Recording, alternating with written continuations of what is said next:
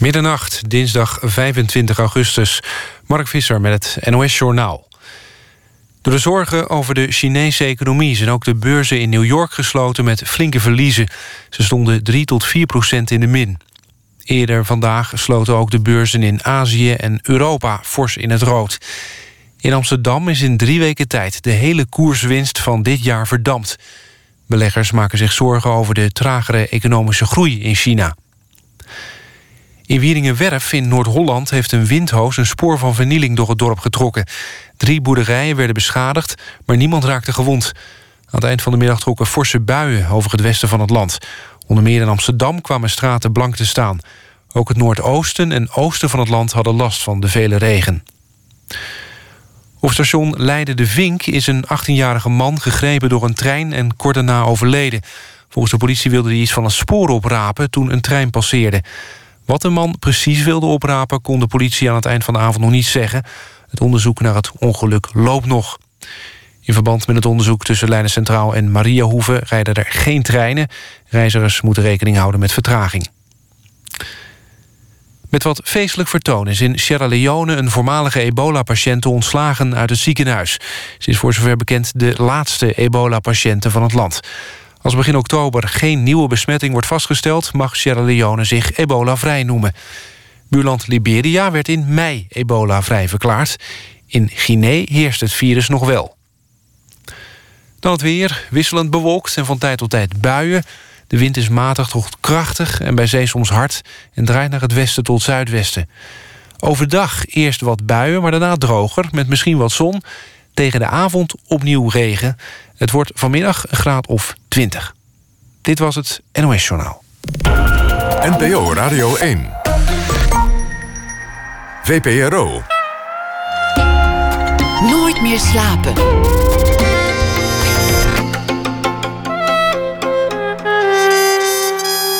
Met Pieter van der Wielen. Goedenacht en welkom bij Nooit meer slapen. Na één uur gaan we het hebben over de vervagende grenzen tussen hij en zij. De revolutie der geslachten. En Annelies Verbeke schrijft deze week elke nacht een verhaal over de voorbije dag. En uh, dat zal ze vanaf vandaag dus doen. Straks na één uur zal ze voordragen. We beginnen met Saskia Goldsmith. De Voddenkoningin is de titel van haar nieuwe roman. Volgende week wordt hij gepresenteerd, maar hij is al uh, te koop. Over de geschiedenis van de vintage kleding. Ontsproten ooit uit de Flower Power tijd overleefd. Mede dankzij de hoogtijdagen van de camp, van de punkers en de krakers.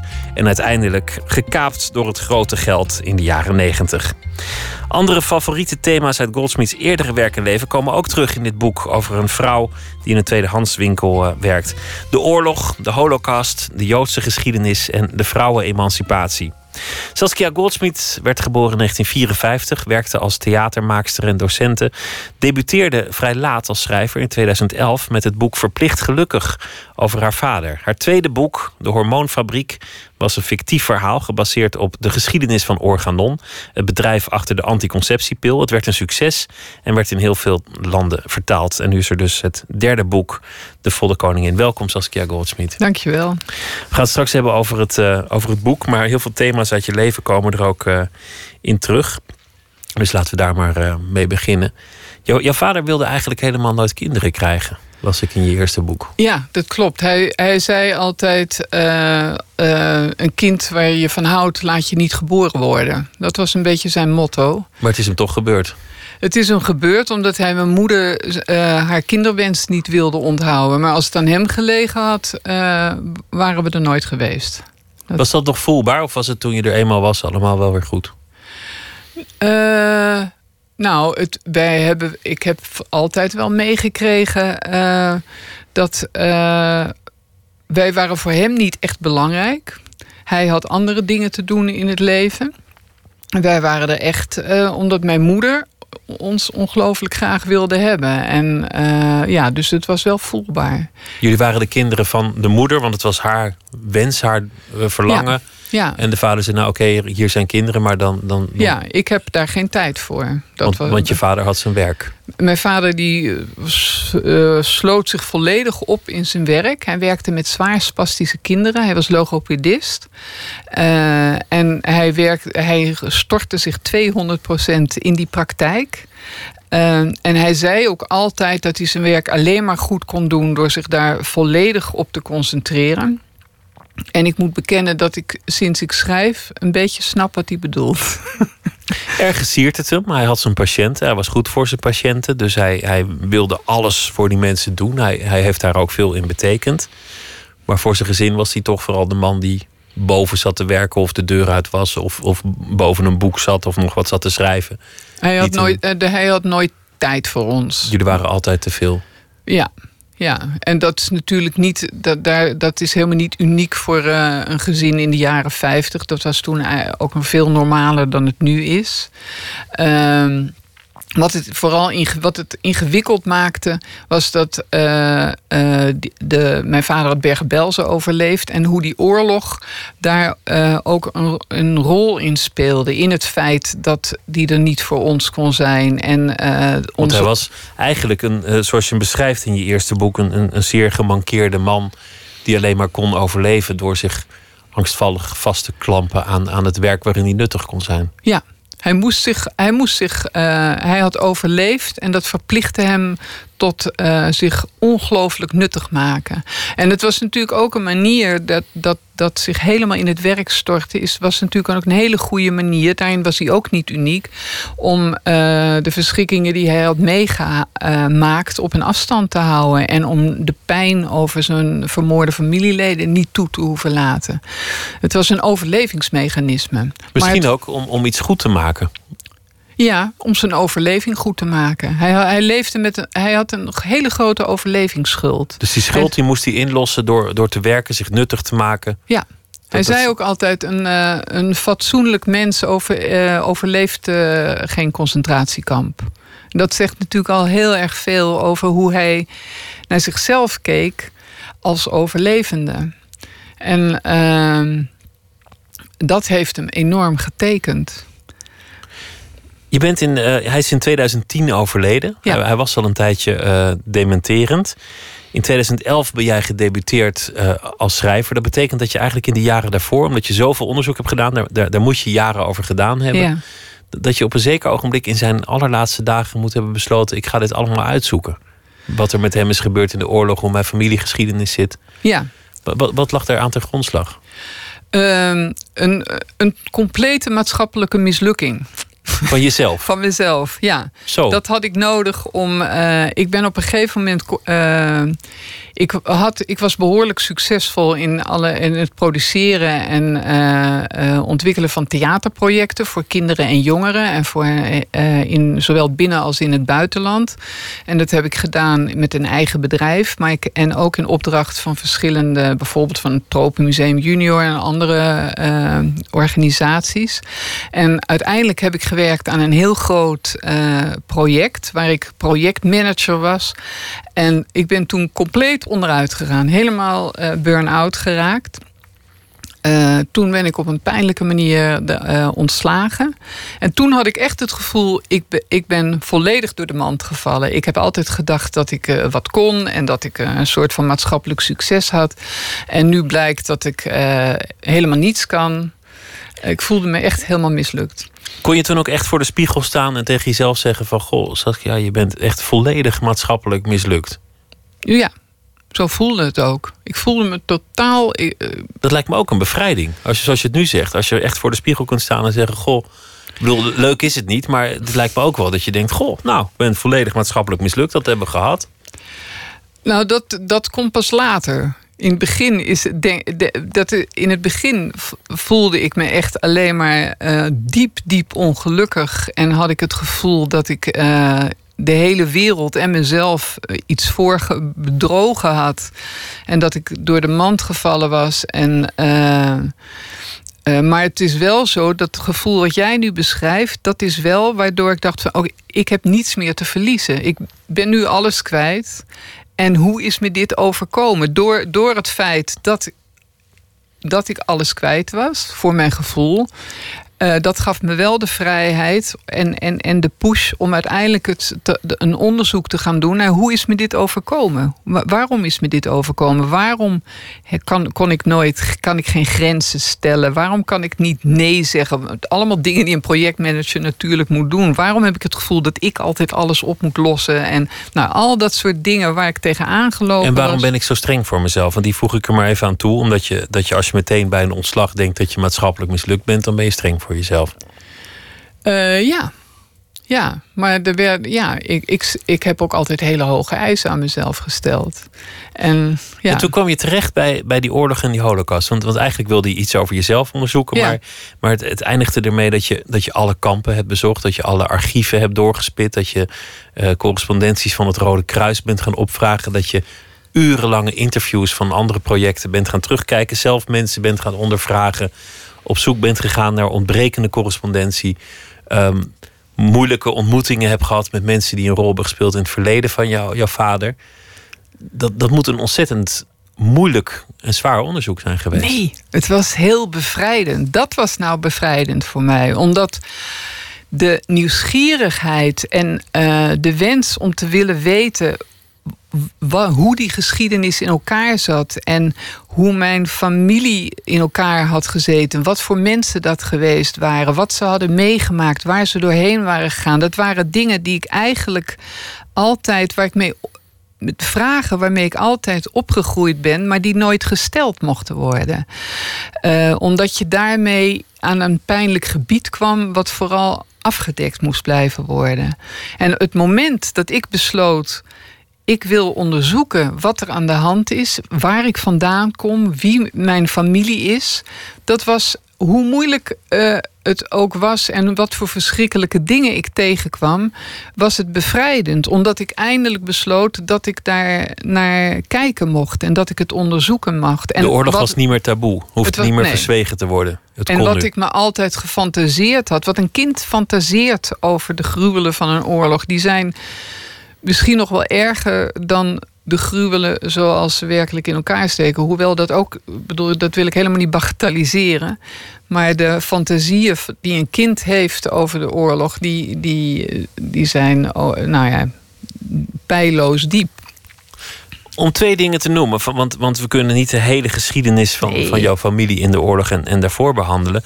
Twee details. Een van de details is dat uh, de, de familie verraden is de valse persoonsbewijzen niet meer geloofd worden. En dat iemand van die stapel persoonsbewijzen er één laat vallen. En dat is de reden waarom jouw vader aanvankelijk vrij uitgaat. Ja. ja. Dat, dat is een, een, een wonderlijke anekdote. Die, dat is een hele wonderlijke anekdote. Die ik ook altijd, waarvan ik me altijd heb afgevraagd. En waar ik niet. Is het ook echt zo gegaan of niet? Dat is een van de, van de eindjes die nooit echt. Uh, nou, waar ik geen greep op heb gekregen. Dat is het verhaal zoals het. En ik, ik weet dat. Uh, want na, naar aanleiding daarvan is toen de hele familie uh, naar Westerbork uh, gevoerd en dan later door. En, mijn en vader hij bleef in bed liggen. En hij bleef in bed liggen ja, terwijl zijn vrouw werd opgehaald. Dat was ook. En vanuit de brieven die ik heb gelezen, die zijn eerste vrouw Renate Laceur in, in, vanuit Westerbork naar hem stuurde, daar bleek ook uit hoeveel zorgen zij zich over hem maakten. Dus ik heb altijd het idee gehad, maar dat kan ik niet bewijzen. Uh, maar ik heb het idee gehad dat de hele familie uh, iets, iets had van ja. Paul moet dat kamp niet in, want die is daar niet te, voor, tegen opgewassen. Uh, en ik weet het niet of iemand toch dat ene paspoort verdonkermaand heeft. Of uiteindelijk heeft het hem niet geholpen. Maar in die, bij die eerste arrestatie wel. Nou ja, Dat, was, dat was uitstel. Uitstel was in die tijd al, al heel belangrijk. Ja, klopt. Aan het einde van de oorlog is, is hij eigenlijk al bezig met sterven. Hij voelt dat hij sterft. Hij is op mhm. een van die laatste transporten gezet die, die het kamp Bergen-Belsen verlieten. Ja. Uh, die, die, de Duitsers wisten eigenlijk ook niet meer wat ze met die, met die uitgemergelde gevangenen aan moesten. Die zetten ze op een, op een zijspoor dan weer een stuk verder. Er zijn ook de, de verschrikkelijke dodenmarsen geweest in die tijd. En hij had uh, van alles onder de leden: difterie, heftige diarree. Een honger. Hij, En hij honger. was bezig. eh, hij was eigenlijk verhongerd. Hij was bezig aan de honger te sterven. En in die tijd, eh, hij, hij lag in die trein en werd verzorgd door Renate. En hij wist op een gegeven moment, ze waren zo gewend aan mensen die stierven. Dus ze wisten als je een arm niet meer kan optillen, dan, dan duurt het drie dagen en dan ben je dood. En zover was hij toen ze door de Russen bevrijd werden. Kortom, een hele nipte overleving. Ja. Ja, De geliefde die hem heeft laten overleven, zijn, zijn eerste vrouw, ja, die, is, die is vrij kort na de oorlog bij hem weggegaan. Heeft, Ja. heeft hem verlaten voor een ander. ja. Dat, dat lijkt me eigenlijk net zo'n groot trauma als die hele oorlog zelf. Ik denk ook dat het voor hem, hij heeft, als hij daarover vertelde, was dat altijd heel erg nuchter. Ehm, en dat heb ik ook altijd geloofd. Van, eh, nou ja, Renate is iemand anders tegengekomen. En we waren toch al. eh, ze, waren allebei wel tamelijk losgeslagen na de oorlog. En ze hadden allebei allerlei verschillende relaties. Maar pas toen ik op onderzoek uitging en in Bergen-Belsen het interview dat eh, Renate heeft gegeven aan de gedenkstätte Bergen-Belsen. Is een drie uur durend interview over haar hele leven. En pas toen hoorde ik hoe mijn vader gereageerd had toen eh, zij vertelde dat ze de man van haar leven was tegengekomen. En daar sprak wel degelijk een soort van paniek uit. En, eh, en ook een, een poging om, om haar voor zich te, te, te winnen. Van ik laat je niet gaan, ik, ik, ik hou van je en ik wil dat je bij me blijft. En ehm, dat deel heeft hij ons nooit laten zien of niet verteld. Dus ik denk dat je gelijk hebt dat dat ook een, nog een grote klap voor hem geweest is. Maar het was geen generatie na de oorlog die, die heel makkelijk met gevoelens omging.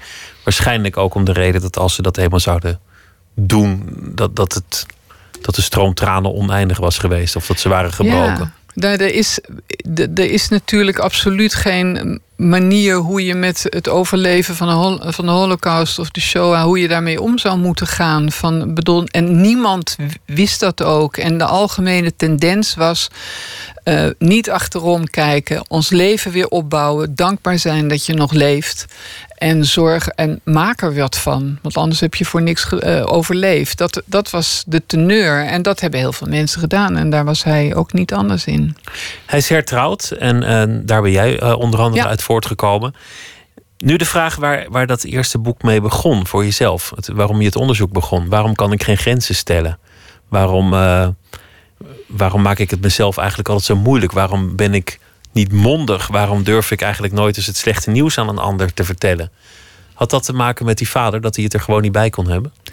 Dat had er alles mee te maken. Het had ermee te maken dat mijn vader altijd de, de maat der dingen was. En dat we allemaal getraind waren om eh, te zorgen dat hij het zo goed mogelijk had. En dat we dus altijd rekening met hem hielden.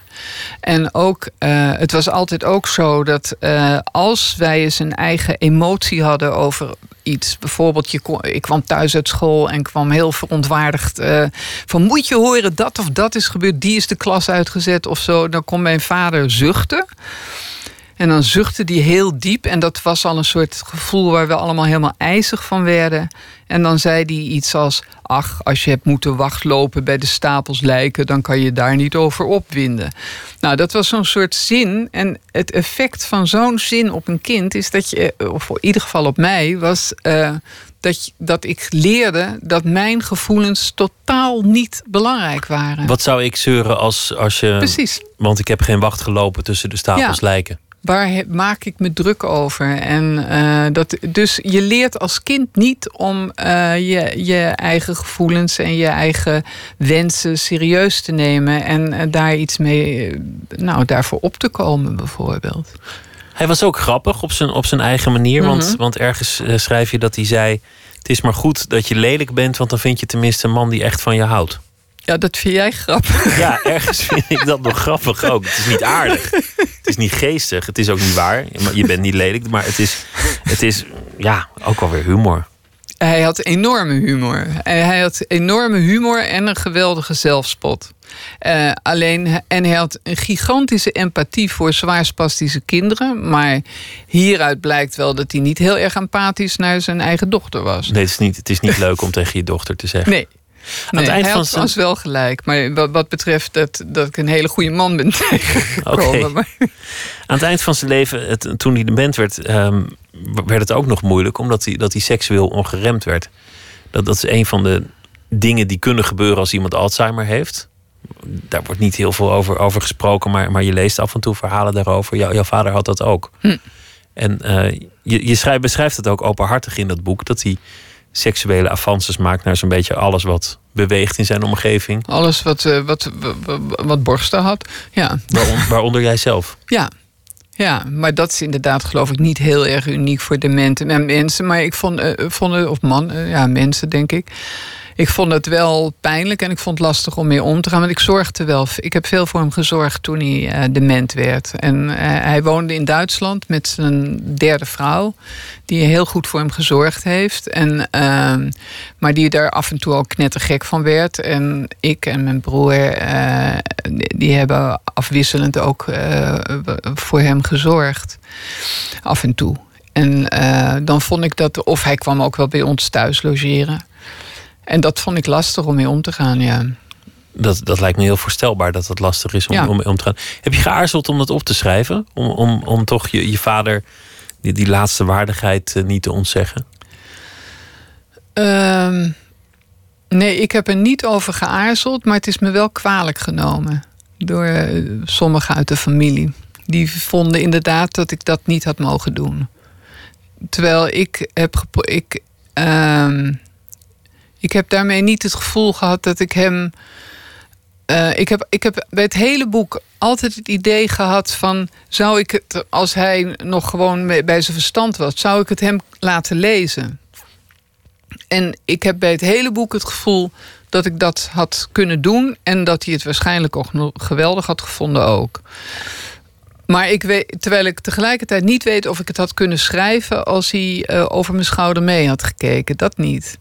Ik denk dat je moet schrijven zonder reserve. Dat als je zo'n boek schrijft en je, en je gaat dingen diplomatiek opschrijven of proberen mensen niet te kwetsen, ja. dan moet je dat boek misschien niet schrijven. Nee, ik, ik, ik, heb, ik had inderdaad zoiets van dit. Uh, ik heb best wel keuzes gemaakt. Er zitten ook dingen niet in. Maar uh, ik ik heb bij dit, dit soort dingen het gevoel, zeker ook omdat hij daar niet uniek in is. En omdat het zo ongelooflijk ontluisterend is dat je vader zich seksueel uh, ontremt tegenover jezelf, tegenover jou gedraagt. Dat is een, dat is een ongelooflijk uh, ingewikkeld en naar iets.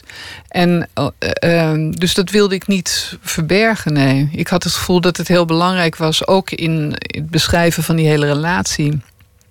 Je zei, ik was volledig maatschappelijk uh, mislukt. Een, een hele zware tijd, maar die was nodig om mezelf van allerlei dingen te bevrijden. En, en, en om schrijver uh, te worden. Hoe staat het daar nu mee? Wil, wil, je zeggen daarmee dat, dat het allemaal achter de rug is? Um, nou, alles achter de rug. Ik, ik, ik, ik het, het feit dat ik ben gaan schrijven en mezelf nu een schrijver kan noemen en uh, dat dat mijn belangrijkste uh, werk is, uh, dat maakt me ongelooflijk gelukkig. En ik heb wel het gevoel dat ik nu, zonder dat ik zeg dat al het werk wat ik vroeger heb gedaan niks betekende, maar ik ben ontzettend blij dat ik doe wat ik nu doe.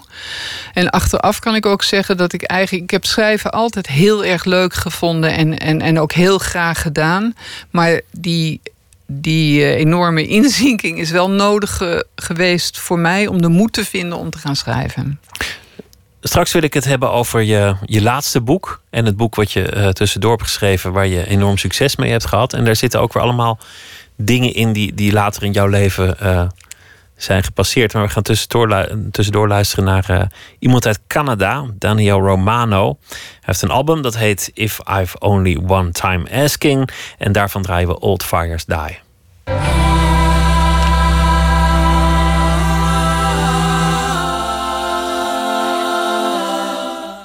There's a cold,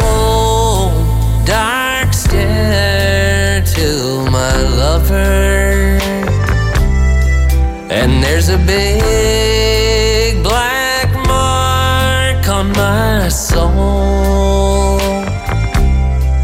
There was a time we were lost in one another. And now we're lost in the part of letting go.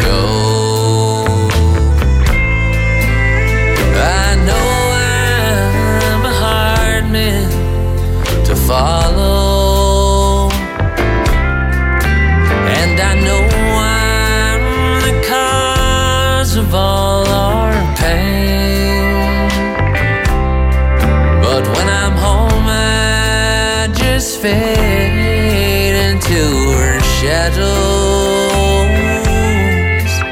and I'm lost in her thoughts when I'm away. She said, lay it on the line. Let me know what's on your mind. Tell me, darling,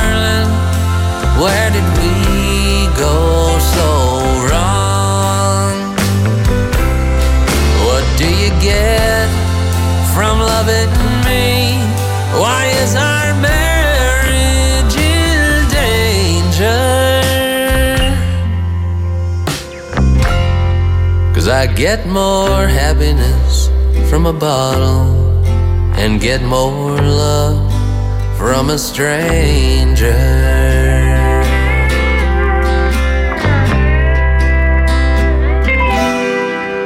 I remember the days when we still had that flame and it kept us both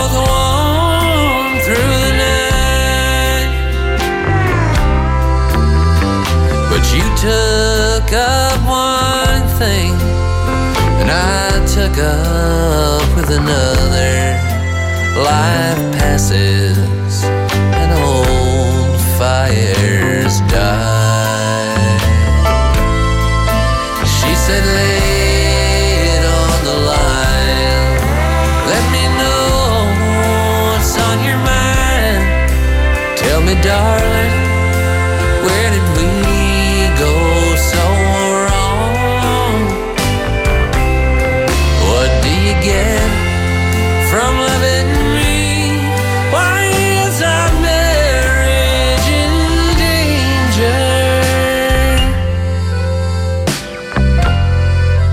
get more happiness from a bottle and get more love from a stranger.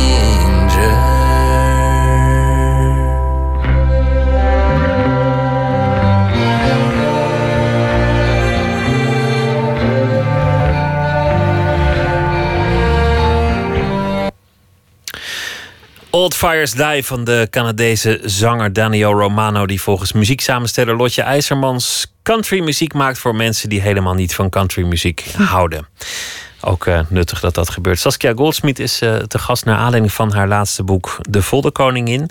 Je hebt eh, iets verteld over, over je vader en over jouw jonge jaren... En, en hoe je uiteindelijk schrijver bent geworden. Maar een vrolijke periode brak aan toen je een jaar of dertien was. Relatief vroeg om je, om je te verzetten tegen je, tegen je ouders. Dus de jaren zestig waren aangebroken. Ja. Het was de tijd van de flower power. Van eh, het eh, overnachten in het Vondelpark. Van eh, wilde nachten in Paradiso. En een dertienjarig meisje werd ineens een, een, een activist. Wat, wat gebeurde er?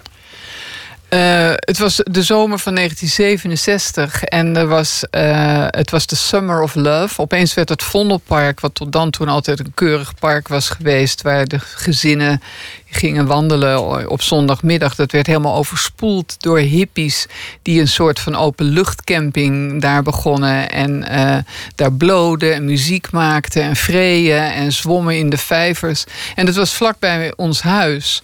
En eh, ik ben daar eh, ingedoken en ik vond het een ongelooflijk bevrijdend om in die wereld te verkeren. En dus ik was daar iedere dag te vinden. En toen ik eenmaal daar was, toen eh, ontdekte ik ook dat er een hele beweging was die tegen de oorlog in Vietnam was. En die daar ook heel actief in werd. En daar begon ik toen ook in mee te bewegen. En daarna werd eh, Paradiso gekraakt. En het jaar erop ging dat echt open. Dus ik, ben helemaal, ik werd helemaal meegezogen in die hele alternatieve hippiewereld in. En ik was inderdaad heel erg jong. En mijn ouders die vonden dat, uh, die, die, vooral mijn moeder, die, die vond dat verschrikkelijk en probeerde me in bedwang te houden. Maar ik werd een tamelijk onhandelbare puber, uh, die zich weinig aantrok van, uh, van, van wat, wat mijn moeder wilde. Eigenlijk gaf je het op om, om nog in het gevleit te komen bij je ouders. Je dacht, ach, weet je wat, ik trek erop uit. Ja, ik, ben, ik, ik heb ook het, het, het is uh, ken, wel kenmerkend voor dat ik niet echt... Ik heb niet enorme ruzie gemaakt. Want er werd bij ons geen ruzie gemaakt. Dat kon niet, want mijn vader die hield niet van ruzie. Maar het is heel kenmerkend dat ik wel een jaar lang thuis ben geweest... Eh, in die tijd dat ik een jaar lang bijna gewoon eigenlijk geen woord gezegd heb thuis. Het was als een soort van protest tegen hoe het bij ons thuis ging. Dat, uh, dat ik gewoon thuis mijn mond niet open deed. En dan daarna naar het Vondelpark ging en daar heel leuk uh, de liefde predikte. En leuk meezong met allemaal leuke Bob Dylan liedjes. En thuis, als mijn moeder probeerde contact te maken, dan zweeg ik gewoon. En later hebben mijn broers en zussen ook wel gezegd hoe verschrikkelijk dat was. En dat moet ook heel vreselijk geweest zijn. Het lijkt op het uh, personage in je, in je laatste boek, De Voddenkoningin. Je hebt een, een, een, vrouw bedacht die, die uit een moeilijk, moeilijke situatie met haar moeder en stiefvader uh, wegloopt om ook dat Amsterdam in te trekken. En die dan na wat omzwervingen terechtkomt in de, de tweedehands kleding. Hoe kwam dat onderwerp op je pad? Hoe kwam je op het idee om iets over tweedehand tweedehands textiel te gaan maken? Dat begon met mijn, uh, met, uh, mijn eerste bezoek aan het boekenbal. Ik, was, uh, ik had verplicht gelukkig geschreven in 2011. En toen mocht ik naar het boekenbal. En dan heb je een mooie jurk nodig. En toen dacht ik, ik ga bij Laura Dols, tweedehands kledenwinkel. Daar kan je prachtige kleren kopen. Dus ik ben naar Laura Dols gegaan. En Laura uh, die kende ik nog, want daar had ik mee op de lagere school gezeten. En toevallig was ze in de winkel en uh, ik heb een mooie jurk uitgezocht en die mocht ik van haar niet betalen. Toen heb ik haar een boek gegeven en toen heeft ze dat gelezen en toen zijn we samen uit eten gegaan. En vertelde Laura over haar leven. En uh, toen ik hoorde hoe zij inderdaad als jonge meid begon, was begonnen met de handel in die, op het Waterloopplein. En hoe zij als. Uh, nou, hoe zij uh, het eigenlijk heeft opgenomen tegen de textielbaronnen en voddenboeren. En zich met een grote mond en met humor en met veel charme een, een plek in die mannenwereld. Het was echt een enorme mannenwereld heeft verworven daar vertelden ze zulke mooie verhalen over. Dat ik toen dacht, ja, maar dit is een, een, het is een wereld die ik helemaal niet ken. Maar waar ik wel heel erg nieuwsgierig naar ben. Van hoe zit dat dan werkelijk? En, uh, en hoe, hoe overleef je daar als vrouw? En hoe heb je je daar een positie verworven? Uh, het gaat natuurlijk ook heel erg over de geschiedenis van de liefdadigheidsindustrie. Uh, uh, want ze, wat zij vertelde, dat strookte helemaal niet met mijn beeld van de liefdadigheid. Ik heb altijd het idee gehad, als ik mijn jurkjes in een uh, kitschy container stop, dan gaat dat naar een zielig vrouwtje in Afrika. En die is daar. Die nou, dan dat, in jouw designjurkje rondloopt. Ja, niet dat ik zoveel design heb, maar goed. Maar in ieder geval, dat bleek toch heel anders in elkaar te zitten. En ik werd heel erg nieuws. En dat was eigenlijk weer dat ik weer. Ik, heb, ik had een soort beeld van die wereld die totaal niet klopte met hoe de werkelijkheid was. En dat is voor mij dan altijd echt een teken van dat wil ik. Hoe zit dat dan? Uh, dat, dat, vraagt om onderzoek en dat vraagt om research. En dat vind ik uh, om te graven in en, en, en te kijken om grip te krijgen op de werkelijkheid achter de, de, de buitenkant van een, de, van een wereld. Achter de schone schijn. Een boek over, over de mode-industrie voor een deel. Een, een boek over kleding. En kleding is een mooi thema omdat je met kleding ook jezelf een identiteit aanneemt. Dus, dus mensen nemen in verschillende tijden, verschillende modes, maar ook in verschillende fases van hun leven zich een identiteit aan door, Ja. door bepaalde kleding te dragen. Ja, je, je neemt een identiteit aan. Uh, maar en, met, met, met die kleding, die kleding die vertelt eigenlijk ook een, een verhaal over de tijd waarin, waarin die gemaakt is. Het feit dat er in de, uh, de mode van bijvoorbeeld de 40 jaren mode, met de, uh, de brede schouders en de korte, de, de, de, strakke rokken met die, die, die niet heel erg lang zijn, dat heeft alles te maken met de, de geschiedenis van de, de, de periode van oorlog en de de, de soldatenlook en het feit dat er beperkingen waren wat betreft stof. En, uh, en er dus uh, daarom waren de brokken strak en, en, en niet al te lang. Dus de, de manier waarop mode ook uh, een de geschiedenis reflecteert en de geschiedenis verantwoordelijk kan zijn voor, voor bepaalde modehypes. Dat was iets wat waar ik niets van af wist en wat ik ontzettend leuk vond om te ontdekken. En de, hele, de verhalen die daaraan kleven. Het is ook je eigen verhaal geworden, want de, de, de Flower Power beweging die kende je goed. De, de, de krakers van de jaren tachtig, die kende je goed vanuit het mhm. theater waarin je toen uh, actief was. Beetje activistisch theater, mag ik het uh, noemen, wat je, wat je toen deed volgens mij. Ja. De vrouwenbeweging, daar, daar heb je ook uh, in, in rondgebanjerd. Eigenlijk kon je indirect je hele levensverhaal kwijt in het boek? Of overdrijf ik dan? Nou, ik heb daar wel heel erg gebruik van gemaakt. Van de dingen die ik kende. En het was ook ontzettend prettig om dat te kunnen doen. Dat was natuurlijk in de hormoonfabriek veel minder het geval. Omdat dat echt een totaal andere wereld en een andere tijd was. En het is heel geriefelijk om uh, zo te kunnen plukken uit de dingen die je zo goed en vanuit eigen ervaring kent. Maar ik heb ze net zoals, uh, zoals alle onderzoek die ik doe, ik, ik heb het gebruikt op, op, uh, voor zover ik het uh, voor zover nodig en belangrijk was in het verhaal. Dus het is niet zo. Kijk, ben verplicht gelukkig heb ik echt mijn verhaal geschreven. En hier heb ik nu heb ik wel geplukt uit die ervaring. Voor zover het functioneel was in het verhaal dat ik wilde vertellen. Dus het is wel een andere manier van, ik, het was niet de bedoeling om nog eens om mijn verhaal te gaan schrijven. Het is heel duidelijk een ander verhaal. En toch kwam de geschiedenis, de, Joodse geschiedenis er weer uitvoerig in terug. En toch kwam de Holocaust er weer in terecht. Ja. Was je dat van plan toen je ging schrijven of, of gebeurde dat? Was het sterker dan je. Ja, nou, nou toen ik, toen ik. Het is heel naïef eigenlijk geweest. Maar toen ik dat plan kreeg, ik ga schrijven over een jonge vrouw die in begin jaren of eind jaren 60 begint met de handel in tweedehands kleding. Toen dacht, had ik ook even de gedachte: ah, heerlijk, nou is het niet over Joden. Dat was echt, dat ik dacht, daar was ik enorm aan toe. En dat was natuurlijk al heel snel duidelijk dat dat een enorm naïeve gedachte was. Want waar kocht die jonge vrouw de kleding? Natuurlijk op het Waterloopplein, bij het restant van de Joodse voddenboeren, wat daar nog was. Want de hele de, de, de voddenhandel was van oudsher natuurlijk in handen van, van Joodse handelaren.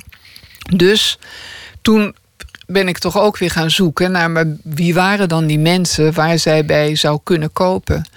En dat bleek toen heel ingewikkeld te zijn. Uh, ik had dus met die andere twee boeken heel veel research gedaan naar de, uh, naar de geschiedenis van Joodse mensen voor de oorlog. Dat was geen enkel punt. Maar daarna, ik probeerde dus nu uh, iets te vinden over Joden na de Tweede Wereldoorlog, Joodse voddenboeren. Maar ten eerste waren die er bijna niet meer, want het, het grootste gedeelte is uitgemoord. En wat er was, werd niet meer geregistreerd als Joods. Want dat was natuurlijk helemaal na de, wereld, na de oorlog not done. En toen ben ik naar het Joods Historisch Museum gegaan. En ik heb ook altijd enorm geluk met als ik aan het schrijven ben. Uh, net was Bernadette van Woerdenkom, uh, die conservator in het museum, had net de, een prachtige tentoonstelling van Philip Mechanicus gemaakt. Fototentoonstelling over kinderen die in eind jaren 40, begin jaren 50 op het water op en om het Waterloopplein woonden. En in het kielzog van die tentoonstelling organiseerden ze een uh, reunie van die mensen. Nou, dat waren dus precies die mensen die inderdaad op het Waterloopplein gehandeld hadden, die. Uh, uh, En die daar opgegroeid waren. En die mensen die zaten. Ik mocht komen op die reunie. En die, dat was een fantastische middag met mensen die allemaal prachtige verhalen vertelden. Schrijnend, verschrikkelijk. Maar, en maar met in, ook enorm veel humor. En ook, nou, het waren de meest mooie verhalen. Een eigen taal die ook in het boek uh, voorkomt. Ja. Die, die ook trouwens in, het, in, het, in de Nederlandse taal. En zeker in het Amsterdamse enorm voortleeft. Ja. Dat, dat Joodse lompenproletariaat, om het Ja. maar oneerbiedig te zeggen. Ja. Dat, dat vormt een enorm contrast met de geschiedenis die je beschrijft in het boek ervoor. Ja. De hormoonfabriek. Dat gaat echt over de Joodse elite, over de Joodse industriëlen. Ja. Dat is als het gaat over de Holocaust ook een totaal andere geschiedenis. Want eh, wie nuttig was, die mocht langer blijven. Of wie Of eventueel nuttig relaties had. kon zijn, wie relaties had, wie geld had. Ja. Eh, kortom, de, de sukkels die vertrokken als eerste. Ja. Zo hard was het ook nog een keer. Ja. De geschiedenis die je beschrijft in de hormoonfabriek is voor een deel gebaseerd op de geschiedenis van jouw eigen vader. En, en van jouw Van- ja. van, die- je ex-schoonfamilie. Van, of, ja, ja, de eerste schoonfamilie van jouw Klopt. vader. Daar, Ja. is, daar is het op gebaseerd. Dat was de, de geschiedenis van de hormoonfabriek. Misschien is het handig om, om iets te vertellen. Want jij, jij schreef een, een boek over de organonfabriek. De, de makers van de pil zijn ze vooral Mhm. mee bekend geworden. Ook andere dingen hebben ze eh, gedaan. Een, een soort merkwaardige vermenging van farmaceuten en vleeshandelaren. Nou, het begon met vleeshandelaren. Het waren, het waren vleeshandelaren. Ze hadden een grote slacht- en, vle- en vleesbedrijf eh, eh, in Os. En eh, het was in de jaren twintig. En toen was er een soort hormoonbubbel, hormoonbubbel wereldwijd aan de gang. Want in Canada hadden twee wetenschappers ontdekt dat er in slachtafval dat daar een, een stofje zat wat, wat insuline, wat de suikerziekte De insuline ontdekten ze en dat kon de suikerziekte genezen, dat die tot dan toe nog echt dodelijk was. Dus toen realiseerde men dat in slachtafval wel meer interessante stoffen zouden kunnen zitten. Dus al die wetenschappers wereldwijd gingen als een gek op zoek naar wat is daarin te vinden. En toen was er dus een van de directeuren van dat slacht- en vleesbedrijf die bedacht: ik moet een wetenschapper vinden die voor mij uit die stapels afval die bij mij op de binnenplaats liggen, kan gaan eh, peuren en kijken wat eruit te houden. Want wie het eerst een pil ervan maakt, eh, die loopt binnen. Dat, is, dat was wie, de wie, gedachte. er- wie een eerst een, een hormoon ontdekt of een, een stof ontdekt en dat weet te standaardiseren en daar medische preparaten van weet te maken, die eh, kan binnenlopen. En eh, die, die, die is de, de- nou ja, de ontdekker van die stof. En soms is dat eh, Nobelprijswaardig. Dus dat was een heel belangrijk iets. En daar was echt een soort wedren gaande. De eerste vrouw van, van jouw eh, vader, haar vader, dat was die wetenschapper die ten die, Ja, die, die, daar was- eigenlijk aan de basis stond van Organon. Van, Ja, dat was Ernst Laceur. Daar, daar, dan komt de oorlog erin. Ik, ik maak lekker grote stappen. Ze zijn hard aan het werk aan die hormonen. Hij is een gevierd wetenschapper. Het is inmiddels een succesvol bedrijf. De Duitse inval komt.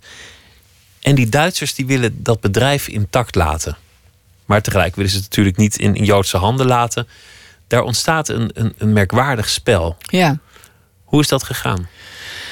Ehm, kijk, normaal was dat een eh, bedrijf geconfiskeerd werd. Dat er gewoon een, ehm, een vertegenwoordiger, een Duitse... Ik ben even de naam kwijt in Duits. Maar ehm, verwalter, verwaltergang, eh, verwalter, een verwalter kwam erin. Die, een Duitse, Duitse die de leiding overnam. En de Joden, Joodse leiding werd eruit gegooid. Ze namen het gewoon, ze pikte het bedrijf in. Bij Organon is dat niet gebeurd. Omdat Organon allemaal dochtermaatschappijen had. En allemaal patenten wereldwijd. En ze waren bang dat als ze dat op een onbeschaafde manier in zouden pikken, dat dan al die patenten en dochterbedrijven losgekoppeld zouden worden van het moederbedrijf. En dat ze daarmee heel veel inkomsten zouden mislopen. En daarom is er heel omstichtig zijn ze omgegaan met die professor Lacour, die nog in Nederland was. En die uh, ongeveer de helft van de aandelen van het bedrijf in handen had. En daarom is hij omzichtig behandeld.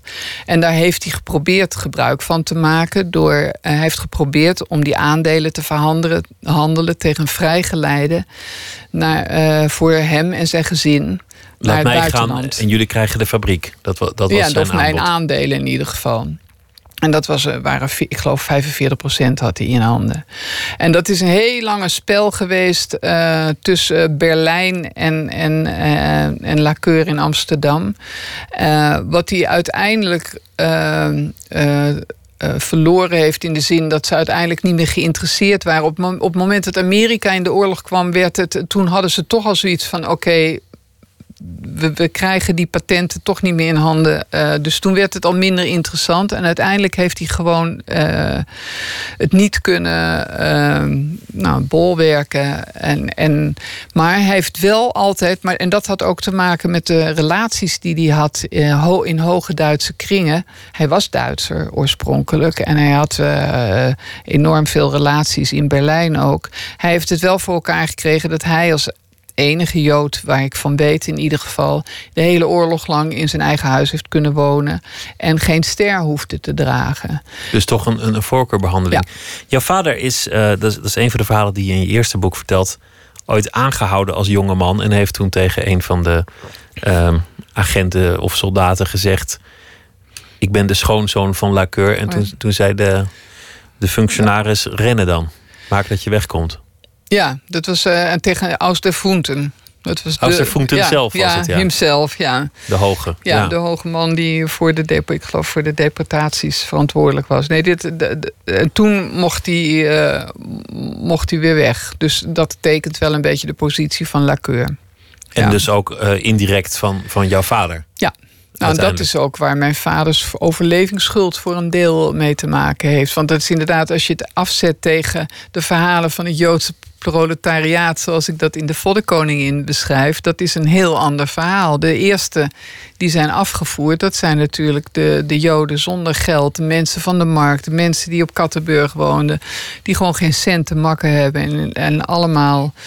Uh, direct zijn afgevoerd en uh, voor het grootste gedeelte vermoord zijn. Er waren ook mensen die vonden het moreel onaanvaardbaar om onder te duiken. Dat, ja. dat komt ook uh, ja. voor in, in je boek. Je beschrijft die geschiedenis van Organon vanuit een van de compagnons van Lacour. Dat was iemand afkomstig uit de, de vleesindustrie.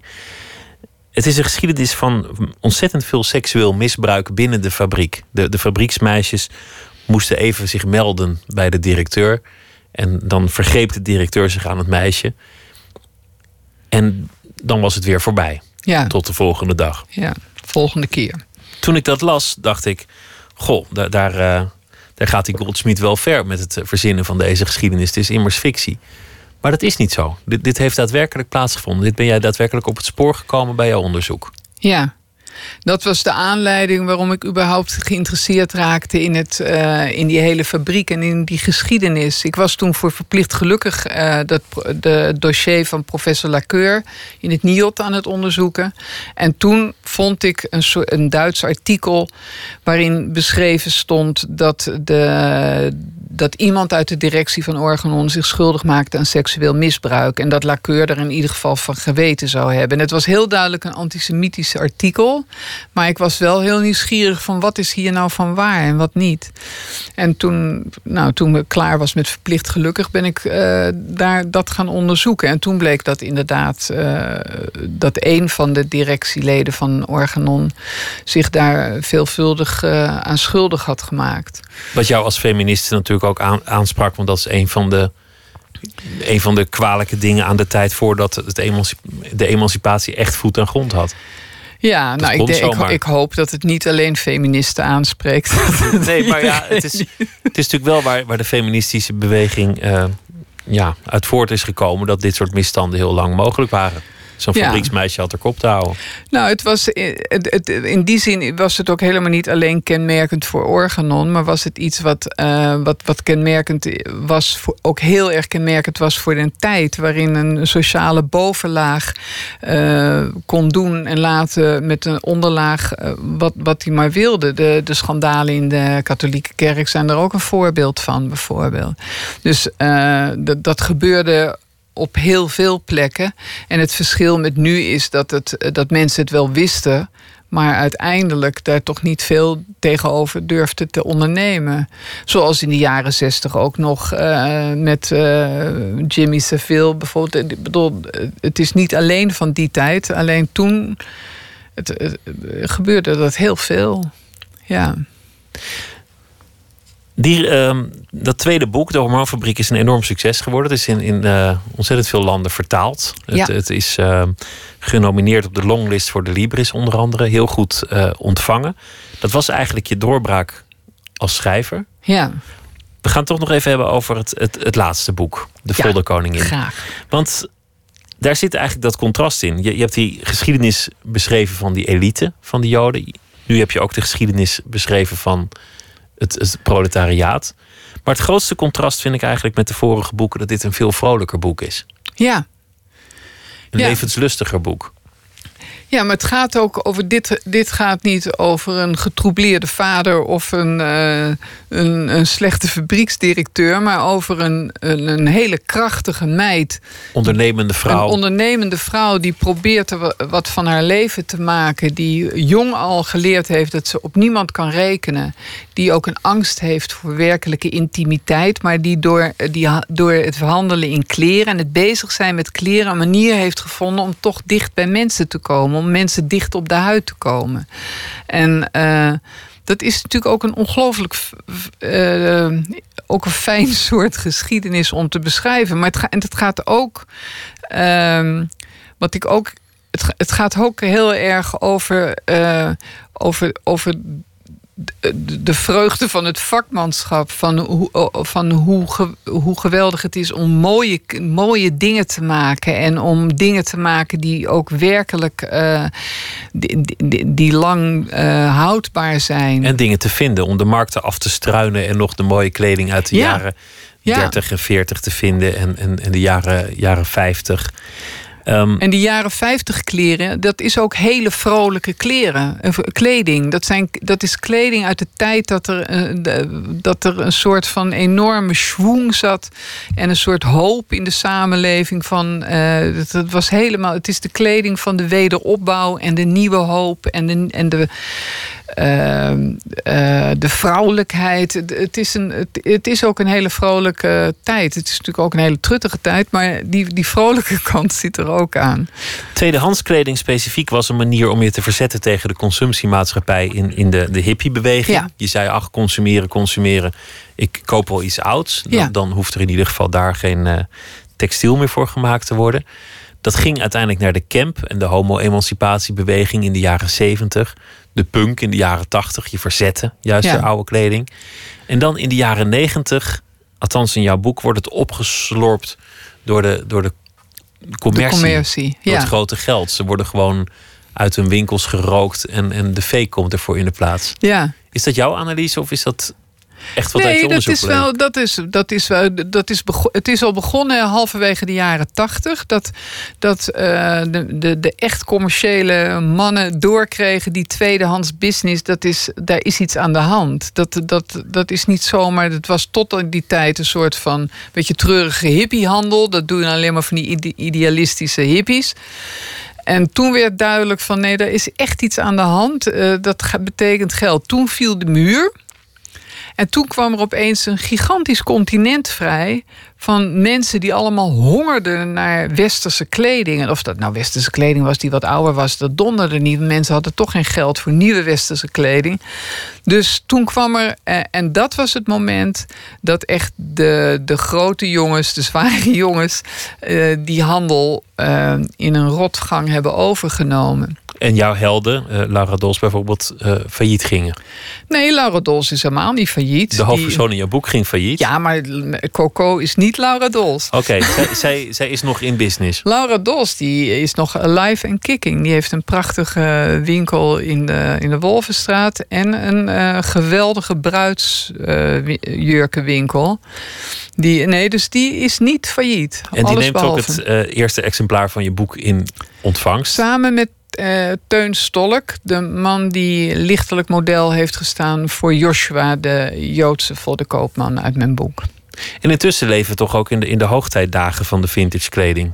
Ik zie, uh, zie zoveel mensen in fale kleding rondlopen die ze van zo'n tweedehands rek hebben geplukt. Het is, het is weer helemaal modieus. Nou, het is nu weer helemaal modieus. Maar en, en, uh, het, het, er komen gelukkig ook steeds meer mensen die, die beseffen dat de manier waarop de kledingproductie. Uh, dat we echt wel heel erg fout bezig zijn met de manier waarop de, de, de, de kleding geproduceerd wordt. De manier, ik bedoel, de ramp van die in Bangladesh Rana Plaza. Ja, Rana Plaza is daar een, een, een voorbeeld van. Maar en, en, en daar zijn wat sindsdien is er een beetje iets verbeterd. Maar maar heel erg weinig. Het feit dat, dat er zoveel rotzooi geproduceerd wordt op plekken en geproduceerd wordt door mensen die daarvoor heel slecht betaald worden en werken moeten in hele slechte omstandigheden, dat is iets uh, waar gelukkig meer mensen zich steeds meer van bewust worden. En ook dat je daardoor alsmaar uh, dus op die manier te blijven kopen, dat je daar gewoon aan meedoet. En dat, het in, dat wij als consumenten zouden moeten beslissen dat we daar iets tegen ingaan, uh, dat we dat niet meer gaan doen. En meer tweedehands verhandelen of meer kleding ruilen en niet altijd met de laatste moderages mee hoeven doen. Uh, dat, dat, dat zijn manieren om, om te proberen het tijd te keren. Het boek heet uh, De Voddenkoningin. En uh, dank dat je er iets over wilde komen vertellen. Saskia Goldsmith, dank je wel. Bedankt voor de uitnodiging. We gaan luisteren naar uh, Lee Fields en The Expressions. En het nummer heet Wish You Were Here.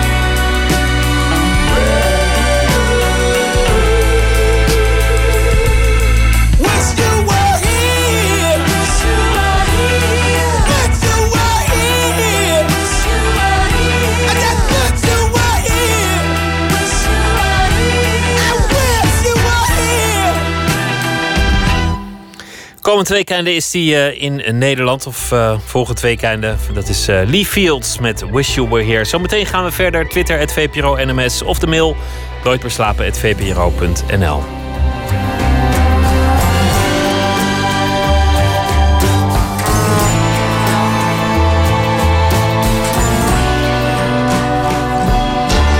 Op Radio 1. Het nieuws van alle kanten.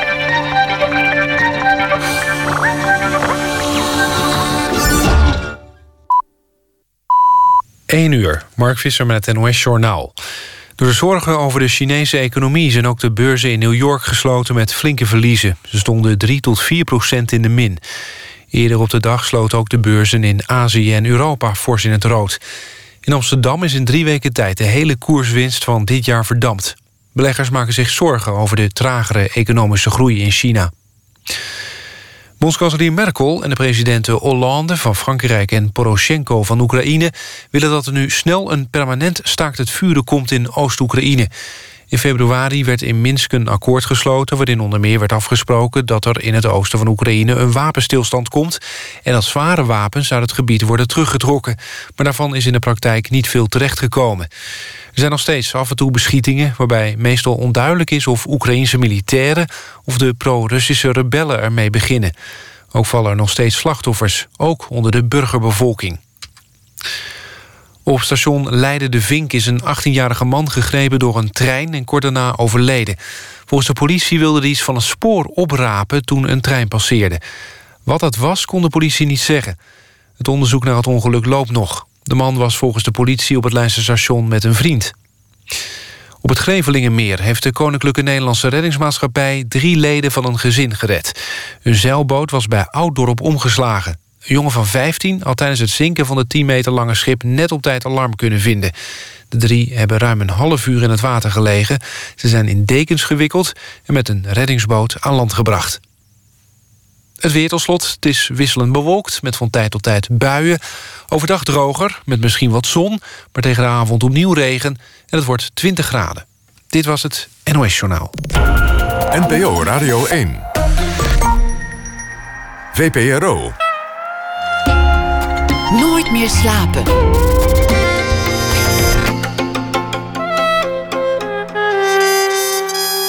Met Pieter van der Wielen.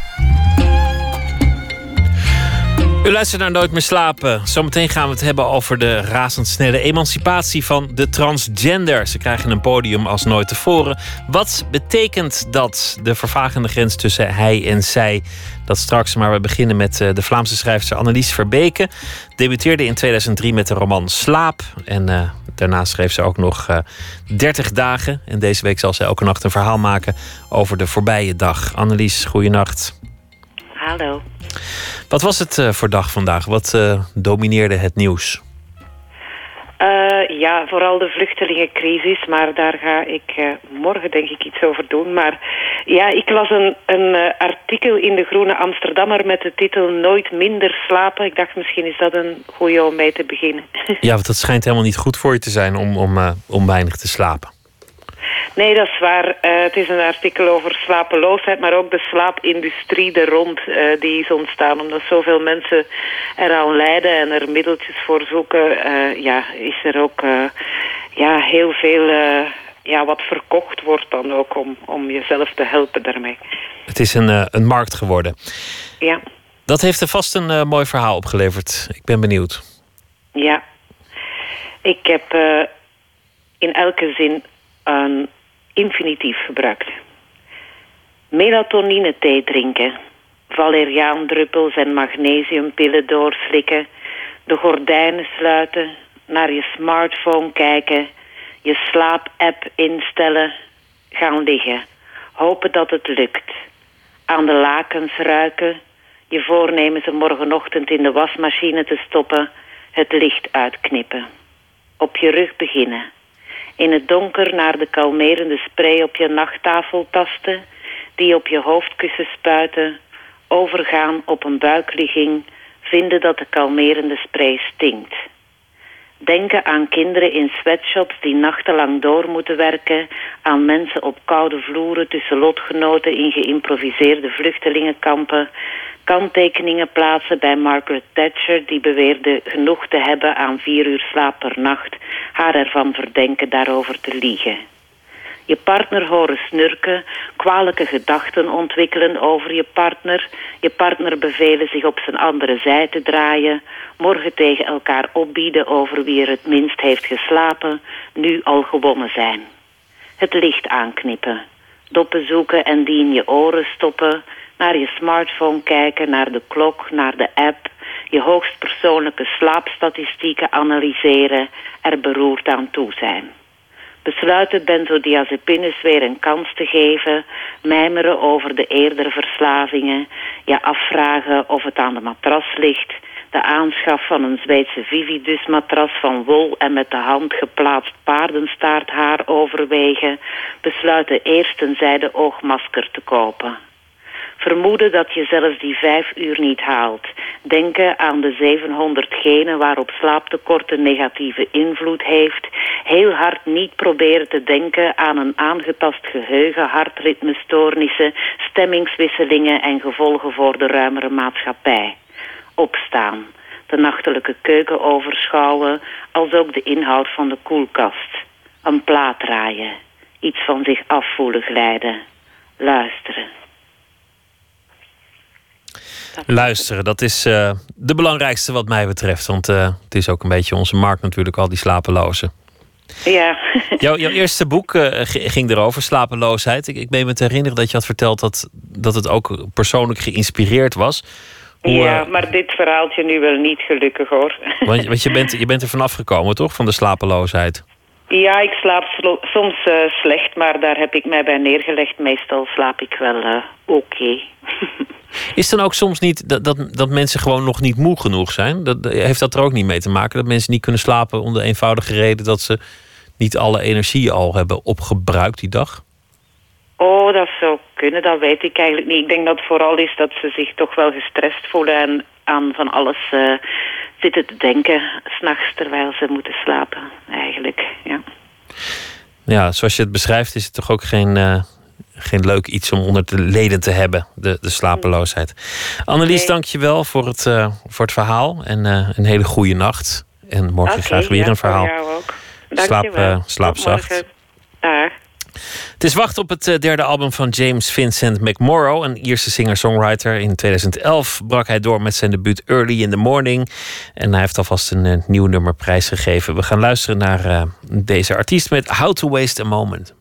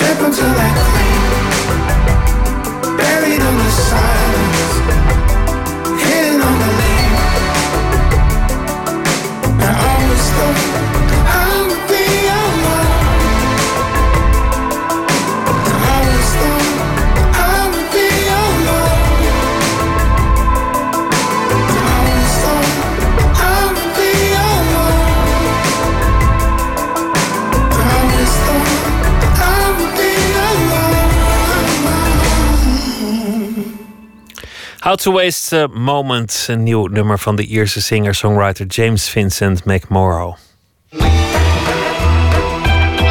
Nooit meer slapen. Modeconcern H&M heeft bekendgemaakt een nieuwe campagne te zullen beginnen met alleen maar transgender modellen. Daaronder ook Nederlands topmodel Valentijn de Hing. Het is weer een voorbeeld van de aandacht die de transgender op dit moment krijgt. Maar wat zit er eigenlijk achter? Verslaggever Maarten Westerveen ging op onderzoek.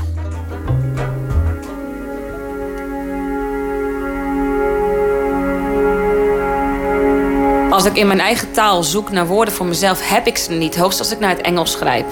Ehm, we zijn zo ver af van de punt. Ik kan mij bijna niet voorstellen dat mijn, mijn oma of mijn moeder opeens een derde gender eh, aanspreekvorm gaat gebruiken voor iemand als ik.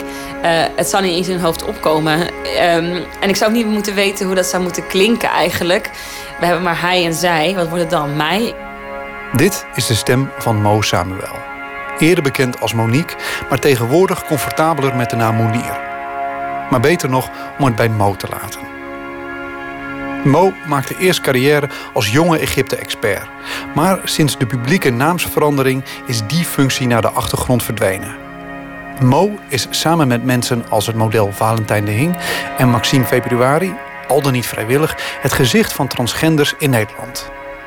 De term transgender wordt steeds vaker gebruikt als een overkoepelende term voor iedereen die zichzelf op welke manier dan ook als lid van de andere sekse laat zien of zich zo voelt dan hoe hij of zij geboren is.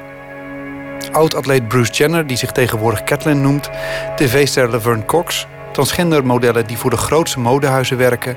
Transgenders beleven op dit moment een moment. Maar Mo gelooft niet dat we al van emancipatie mogen spreken. Kijk, conceptueel gezien filosofisch gezien kan ik helemaal argumenteren waarom het een enorme eh, verrijking zou zijn voor ons land. Maar als je kijkt naar de praktische werkelijkheid, is die zo weerbarstig dat het bijna een soort wensdenken is. En toch gaan wij wel richt- richting eh, die kant. Maar eerst politiek en dan denken we: oké, we hebben het allemaal goed geregeld. En het zal decennia duren voordat de samenleving zelf volgt. Zoals ik al zei, transgenders staan op dit moment vol in de aandacht. Het hangt blijkbaar in de lucht. Vorig jaar debuteerde DJ en zelfverklaarde disco-dinosaurus Joost van Bellen met Panda-ogen. Een roman met transgender Eva Akkerman in de hoofdrol. Die rolverdeling ging vanzelfsprekend. Eigenlijk is geen issue. Staat ook niet op de achterkant van, eh, van het boek. Het gaat eigenlijk niet over, een, over iemands eh, transseksualiteit. Maar ik wilde het opnemen voor mensen die zich vanaf het moment dat ze geboren worden... zich anders voelen dan anderen. En die eh, in de tijd dat ze zich seksueel eh, ontplooien... of het seksueel groeien, dat ze daar eh, geen plek in de maatschappij eh, voor zichzelf zien en zichzelf buitengesloten voelen. En dat heb ik zelf gehad als homoseksueel, omdat je toch op een denkt dat klopt niet met de rolmodellen die ik om me heen zie en op televisie zie en in de eh, eh, schoolboekjes zie.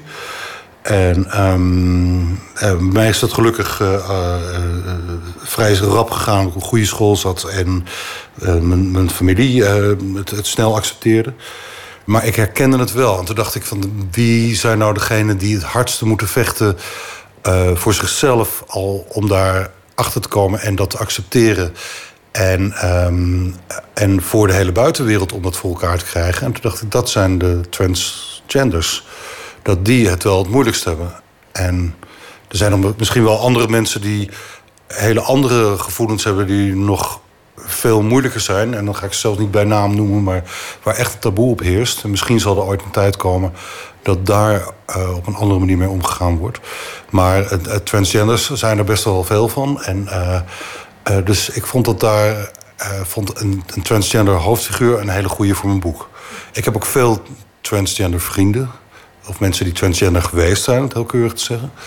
Dus eh, ik weet wat, wat, wat voor een ellende ze hebben moeten doorstaan. En hoe moeilijk het, ze, het gehad hebben. En daarom vind ik ze ook altijd helden. En ik vind, uh, um, mijn hoofdfiguur moest een held zijn. En in de allereerste versie van mijn boek waren het ook superhelden. Een soort X-Men-achtige types allemaal. Echt karikaturen. En, um, en ik ben dat langzamerhand steeds meer gaan, gaan beeldhouden... tot het echte mensen werden. Een stuk beter, want het was wel een heel uh, idioot boek ervoor. Dan was het was eigenlijk best wel een freak verhaal daarvoor. Dus nu werd het, werd het dat tot menselijke proporties uh, gebeiteld. Ook Mo schrijft aan een roman. Deze zal in januari verschijnen. Mijn roman heet Zetten. Ik uh, ben begonnen met dat boek toen ik 15 was, maar had toen nog niet de taal en de vrijheid om het echt te schrijven zoals ik wilde. Ik vreesde namelijk uh, de reacties van mijn ouders. Uh, vanaf mijn 18e ben ik er echt volop aan gaan schrijven. En op mijn 21e zat ik het manuscript af. En feitelijk kwam in die roman alles naar voren wat, wat ik nu in Europa en in onze samenleving uh, zie gebeuren. De hele roman is gebaseerd op Carmen, de operette van Georges Bizet. Uh, L'amour is zo rebelle que ne peut. Liefde is een rebelse vogel die je kan vangen, nog kan temmen. En uiteindelijk meer dan over welk ander thema ook... gaat het boek over de liefde. En dat, um, zoals de Libanese dichter Khalil Gibran zegt... als je van iemand houdt, laat haar gaan. Keert ze terug, dan is ze de jouwe. Zo niet, dan is het nooit geweest. Waren er nog problemen aan die je niet voorzien had terwijl je een transgender ging beschrijven? Was er iets in dat schrijfproces waar je dacht, oh, dat had ik niet eens over nagedacht dat ik hier inderdaad. Dat het, ja. dat het... ja, dat, dat, dat, was er. Ik ben sowieso, ik heb veel hulp gekregen. Ik ben ook naar uh, uh, Martine de Vries, die uh, veel met kinderen werkt, die. Um, die met hormonen, hormoonzaken anders zijn. Dus ook met genderdysmorph kinderen. Die heeft me geadviseerd en um, ik heb um, I Am a Woman Now van Michiel van der natuurlijk gezien. En, en toen, vooral, vooral bij dat ding van Michiel van Erp, kwam ik erachter dat er was één figuur in en die kon ik niet goed plaatsen. En die, dat was een, uh, een, een, een, man die naar vrouw was gegaan, maar weer terug was gegaan een man en nu ergens ertussen zweefde. En ook een relatie had gehad met een Japanse die overleden was. En op een of andere manier greep dat verhaal, blijft dat het meest in, mijn hoofd zitten. Van, ik, ik begrijp het niet. En uh, um, wat, wat, wat is er nou? En daardoor steeds meer gaan nadenken. En iemand anders die me geholpen heeft met, met het boek, uh, um, Covergirl Sunny wordt zo genoemd, die had het ook gezien en die zei van dat heeft me zo aangegrepen om dat, dat te zien. En uh, die zei op een bepaald moment, ik begrijp ook dat. Um, dat transgender uh, of, of, voormalig transgender vrouwen, dus vrouwen die met een transgender geschiedenis, dat die soms een relatie krijgen met een vrouw. En dat, daar moest ik voor mezelf uitkomen van hoe zit dat nou en waarom is dat? In mijn roman komen alle vormen van seksualiteit en gender voor. In alle diversiteit, maar het wordt nooit gethematiseerd. Dus in de roman komt niet één keer het woord homoseksueel voor, of lesbisch, of transgender, of genderqueer. Uh, en de personages zelf worstelen er ook absoluut niet mee. Zij zijn wat ze zijn. Ongewild, ik wil het niet, ik wil het hebben over mijn innerlijk, maar ongewild wordt je lichaam een statement. Wordt dat korte haar opeens een statement? Uh, wordt het wel of niet uh, nemen van hormonen en het wel of niet krijgen van een baard een, een statement? Um, en dat geeft ook veel druk. Het lijkt me heel uitputtend allemaal. Ja, maar ja, uh, mensen tot, tot, tot dusver zitten te zoeken echt in mijn verschijning naar de verandering. Maar het punt is dus, het grappige is, dat de verandering in mijzelf zit. Het kan zijn dat ik tot het eind van mijn leven geen ene shot testosteron neem. Dat mijn stem nooit de baard in de keel zal krijgen. En dat mijn, mijn gezicht nooit een baard zal krijgen. En ik zal mezelf nog steeds niet anders noemen dan wat ik me nu noem. Uh, maar dat, dat is dus een stap die voorbij ieder debat gaat. Want wij zoeken naar, wij, wij, wij, wij zoeken naar dan de uiterlijke verandering in de samenleving. Maar dit is een wezenlijke, diepe, interne sociale transformatie. En een verandering van het denken. Meer dan, dan wat ook. Mo Samuel is sceptisch over de toekomst. Joost van Bellen heeft echter goede hoop en ziet zijn welbekend dansvloer langzaamaan veranderen. Ik merk ook op de dansvloer dat er steeds meer ehm, eh, homoseksuele lesbiennes en eh, transgenders en travestieten eh, te- tegenkom. En dat die blij zijn om te zien en ik blij ben om hun te zien. Want er is natuurlijk niet, niks leukers dan een heel gemeleerd gezelschap waarin seksuele grenzen niet bepaald zijn en waar de hokjesgeest wegvalt en dat stramien-denken wegvalt, dat maakt uitgaan veel spannender en, en leuker. Daardoor eh, kunnen hetero mannen misschien ook eh, eens een keer staan zoenen met een eh, travestiet, terwijl ze donders goed weten dat het een travestiet is. Maar ehm, ja, dat soort dingen, dat, dat maakt het alleen maar goed.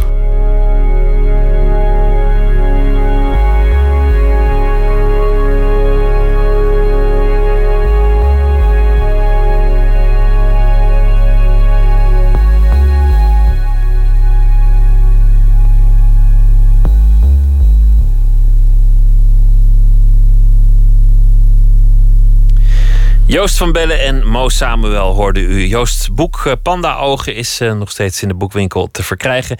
En Mo heeft ook een boek Zeta, dat zal in januari verschijnen. Jack en Elisa is een eh, duo uit New York, bestaande uit Jack Steffen en Elisa Callahan. Het debuut Gentle Warnings bevat singles en EP's die ze afgelopen jaar hebben uitgebracht. Daaronder ook deze Quarter Past the Hour.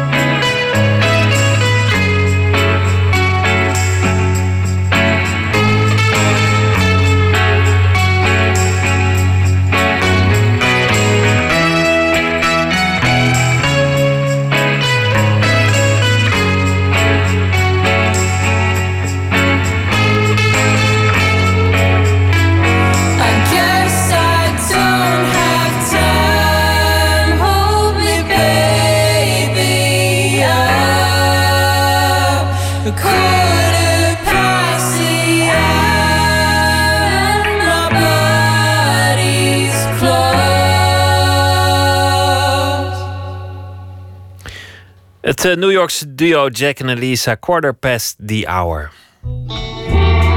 Nooit meer slapen. Festival Noorderzon, een eh, performance festival in Groningen, heeft afgelopen vrijdag een expositie gesloten van de Nederlandse kunstenaar Harma Heikens. Dat gebeurde nadat twee bezoekers hadden gedreigd het werk te vernielen en een festivalmedewerker door de knieën te schieten. Ook vandaag was het eh, werk nog steeds niet te zien voor de bezoekers. En het eh, festival duurt nog een hele week. Maar het werk zal niet meer te zien zijn. Anton de Goede is onze nachtcorrespondent. Anton, goeienacht. Ja, dag Pieter opheffen over een, eh, een kunstwerk. Gezwicht voor terreur, zo laat het zich aanhoren. Wat is er aan de hand? Ja, nou ja, uh, precies wat je zegt. Het is eigenlijk al vrijdag gebeurd. Um, we hebben het over een kunstwerk, een sculptuur. dat een beeld is van een, van een zittend sprookjesfiguur. Half meisje, voor de andere helft een dier. Wat is het? Een poes, een schaap. Uh, in zoetige kleuren een wezentje dat bovendien een onderbroekje aan heeft dat uh, afgezakt is. Een wezentje dat knabbelt aan een. Aan een ja, bij de eerste associatie is het een wortel en dan blijkt het een kunstpenis te zijn. Dat is wat je ziet. Gemaakt van een soort klei, geboetseerd. Ziet er een beetje Jeff Koons-achtig uit. En het is werk dat typerend is voor wat Harma Heikens maakt. Kunstenaar kunstenares die woont in Groningen en die een behoorlijke staat van dienst heeft. Ze is wel eens aangekocht door het Groninger Museum, heeft exposities gehad, onder andere in New York. Er is vorig, vorig jaar een prachtig boek ook over haar verschenen. Dat wezentje waar ik trouwens over had, dat zit naast een clownsfiguur. En ja, je kan zeggen van wat is dat nou eigenlijk? Is dat kunst? Zullen heel veel mensen geroepen hebben. Maar het wekte agressie op. Ik sprak vandaag iemand die veel geeft om het werk van Harma Heikens. Laten we die eerst eens laten horen. De cultuurhistorica Eva Rovers. In eerste instantie zie je een heel lieflijk beeld. Iets wat er heel een beetje Disney-achtig uitziet. En als je nog een keer beter kijkt, dan zie je dat er iets gruwelijk mis is. En dat er iets heel verontrustends met zo'n beeld aan de hand is. En dat, um, dat zorgt ervoor dat je blijft kijken. En dat maakt het ook interessant. Je kijkt, je wil het eigenlijk niet zien, maar je blijft toch kijken, want het, nou het klopt helemaal niet. En je, ja, je wordt zelf heel erg aangesproken op je eigen uh, angsten en op je eigen moraal en wat je ervan vindt. En dat maakt het juist heel interessant. En het gaat veel over, over seksualiteit en geweld, uitbuiting. Maar ze, ja, ze vraagt echt aan de kijker zelf uh, om daarover na te denken. Al dus Eva Rovers. Het, eh, het, het werk is dus interessant, zegt Rovers, maar niet te zien. Eh, heb jij Harma Heikens kunnen spreken? Ik heb Harma Heikens uh, inderdaad aan de telefoon gehad. Zij is bijzonder teleurgesteld dat dat werk nu uitgerekend in Groningen, waar ze zelf woont, niet te zien is. Het verbaast haar dat het zoveel agressie oproept. En tegelijkertijd heeft ze er ook een verklaring voor. Luister. Mensen um, zeggen dan dat ik de aanstootgevende dingen laat zien en dingen die niet kunnen in de publieke ruimte. Maar alle afzonderlijke elementen zijn, zijn overal te zien in de publieke ruimte zonder dat, dat iemand daarover valt. Uh, hier vlakbij op een plein, op een, op een hoekje, staat een bronzen beeld van een heel jong meisje, helemaal bloot, zonder hoofd. Dat is geen probleem. Bij mij direct om de hoek zitten echte meisjes uh, achter het raam. Uh, vrijwel, vrijwel naakt, waarvan een percentage tegen, tegen hun wil. Dat roept ook weinig reactie op. En ik heb nog niet zo lang geleden bij de Xenos, waar toch ook kinderen komen, uh, een soort van dildo's en penissen als een soort van feestversiering zien staan. Waarbij ik me zelfs even op mijn hoofd krabde. Wat ik maar wil zeggen, ik denk dat dat wat mensen raakt toch wel de inhoud van het werk is. Ik denk dat mensen toch schrikken van dat uh, incestthema. Ja, maar goed, het, festival kiest ervoor aanvankelijk om dat werk neer te zetten. En dan nadat iemand zegt, uh, ik ga het vernielen... of ik ga mensen door de knieën schieten, dan halen ze het weg. Terwijl op zo'n moment zou je zeggen... is een aangifte bij de politie meer op zijn plek. Moet je wel zwichten voor terreur? Ja, mijn eerste reactie was, dat moet je natuurlijk niet doen. Uh, als, er, als, er, als, als, als er al mensen overmeesterd worden die, die met een, eh, een schietgeweer in de talies zitten, wat zou je dan druk maken over een paar jongens van 22 in Groningen die dan wel een grote mond opzetten. Maar daar moet je je natuurlijk niet door laten afschrikken. Maar misschien heb ik makkelijk praten. Eh, festivaldirecteur Femke Eerland denkt er heel anders over.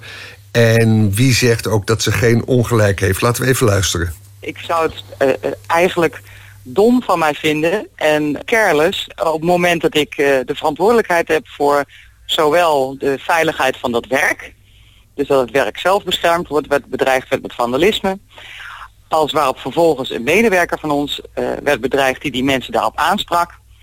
Eh, als ik dan zou zeggen, nou ja, dat was vrijdagavond, zaterdagavond, zaterdag zouden we het erover hebben. In de tussentijd heeft de kunstenaar contact gezocht met de pers en eh, zijn we nu waar we nu zijn. Laat ik het nu, eh, eh, ik zou dat dom en naïef vinden, denk ik, kortzichtig van mezelf ook, als ik dan op maandag zou zeggen, ja, nee, nu kan het wel weer open. Ik denk niet dat ik dat mezelf heel serieus zou nemen.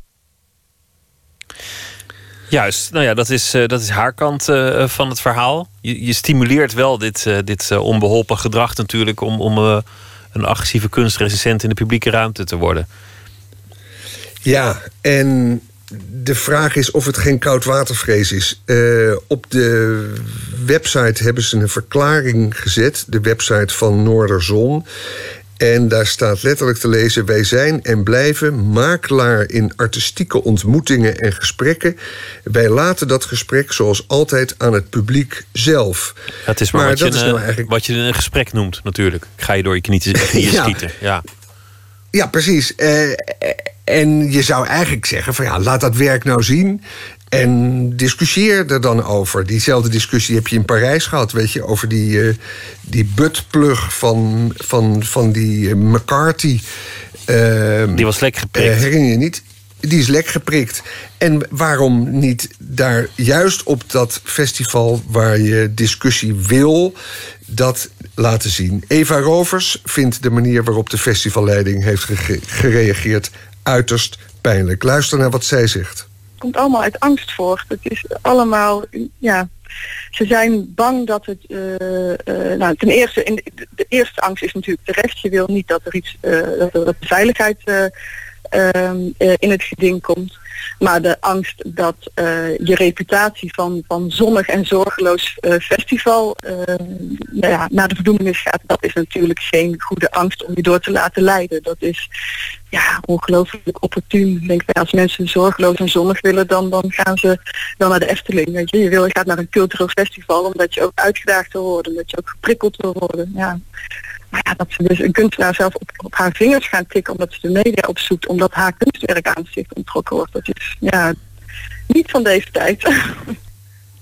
Nee, nou ja, iedereen eh, boos op het internet. Er wordt over en weer eh, gescholden en bedreigd. Ehm, mensen die ook eh, oproepen tot een boycott van het festival. Kortom, het was weer ontzettend gezellig. Ik moet wel zeggen, het, het dreigement iemand door de knieën te schieten, dat vind ik een lichtpuntje. Dat is voor deze tijd nog een soort van verlichting. Dat je dan eh, in je dreigement op de knieën mikt en niet meteen het hoofd. Misschien dat eh, de tijdgeest weer wat opklaart. Anton, Pieter, dankjewel. je bent weer, ver- je bent weer verfrissend eh, helder. Dankjewel, Anton. Een hele goede nacht. Ja, en kijk naar dat boek. Van Harma ik nog Heikens. even zeggen. Eh, Van Harma Heikens. Of kijk naar haar website. Naar de galerie Koch X Bos Gallery in Amsterdam. Eh, laat de rel dan tenminste aanleiding zijn... goed naar haar werk te kijken. Dan is er toch nog winst. Dankjewel, Anton. Goeienacht. Goeienacht.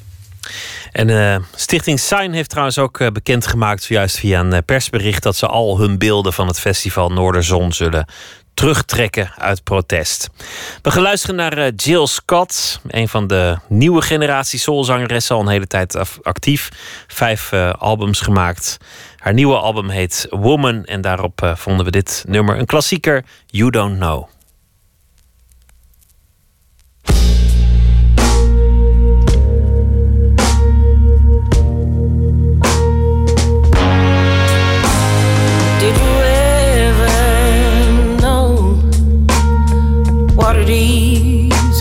To be hurt?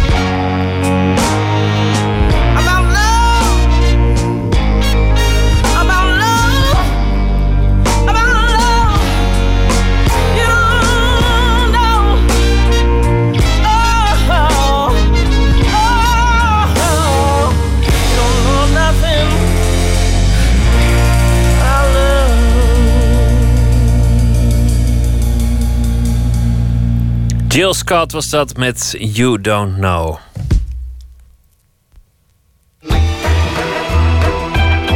Nooit meer slapen. In Purmerend in Museum Waterland is deze week de derde editie te zien van het Tekenkabinet. Een grote tentoonstelling met kleine tekeningen.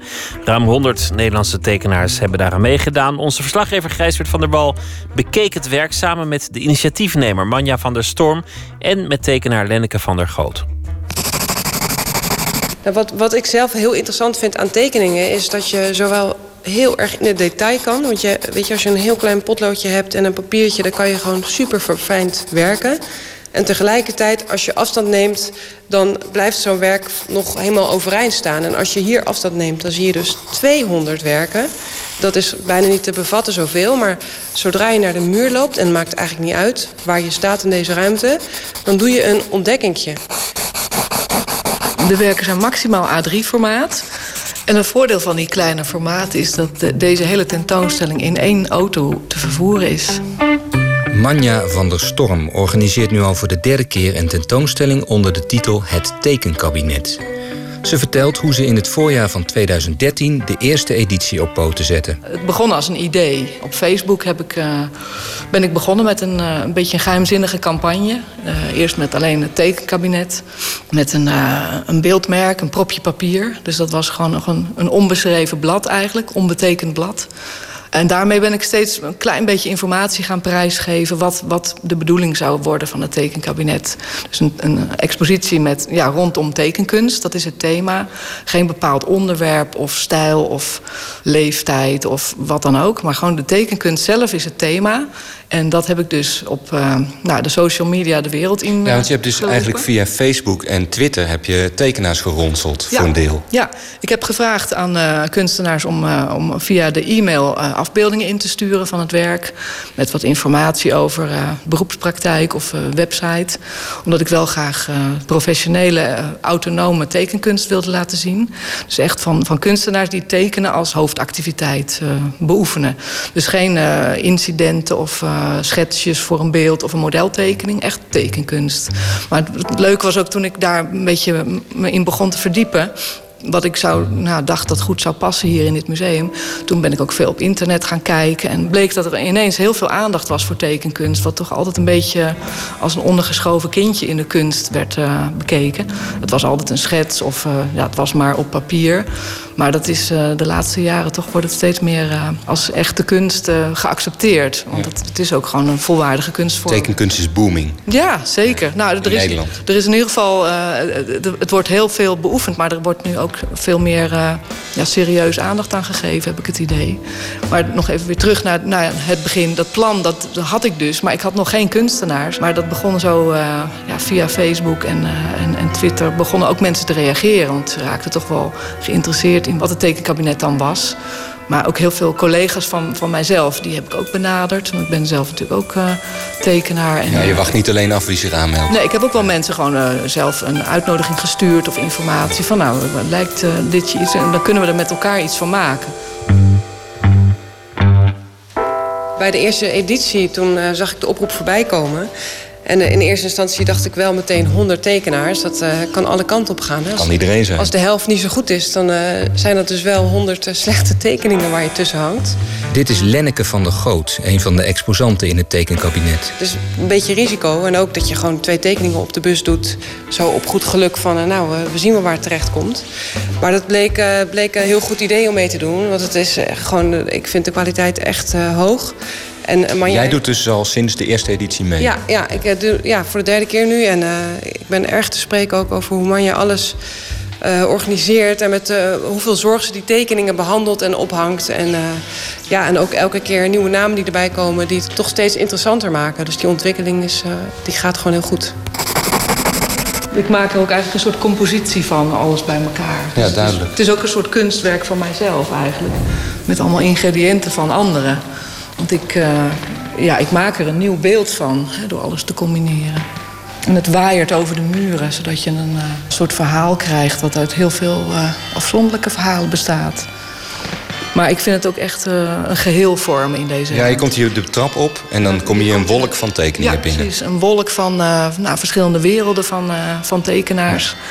nou, wat ik aardig vind als ik, als ik nu hier omheen kijk... is dat jij dus als samensteller van deze tentoonstelling... helemaal niet eenkennig bent. Je bent zelf tekenaar, maar het is niet zo dat je allemaal eh, geestverwanten hebt uitgenodigd... die hetzelfde soort werk maken als jij. Ja. Je ziet echt een soort dwarsdoorsnede van wat er allemaal met tekenkunst kan. Ja, dat vind ik zelf ook interessant om te zien. Want als ik eh, ja, alleen maar mijn eigen stijl, dan, dan ja, die ken ik. En dat is ook waarom ik eh, dit soort projecten doe, is om ook mijn eigen ja, blik te verwijden, mijn eigen horizon.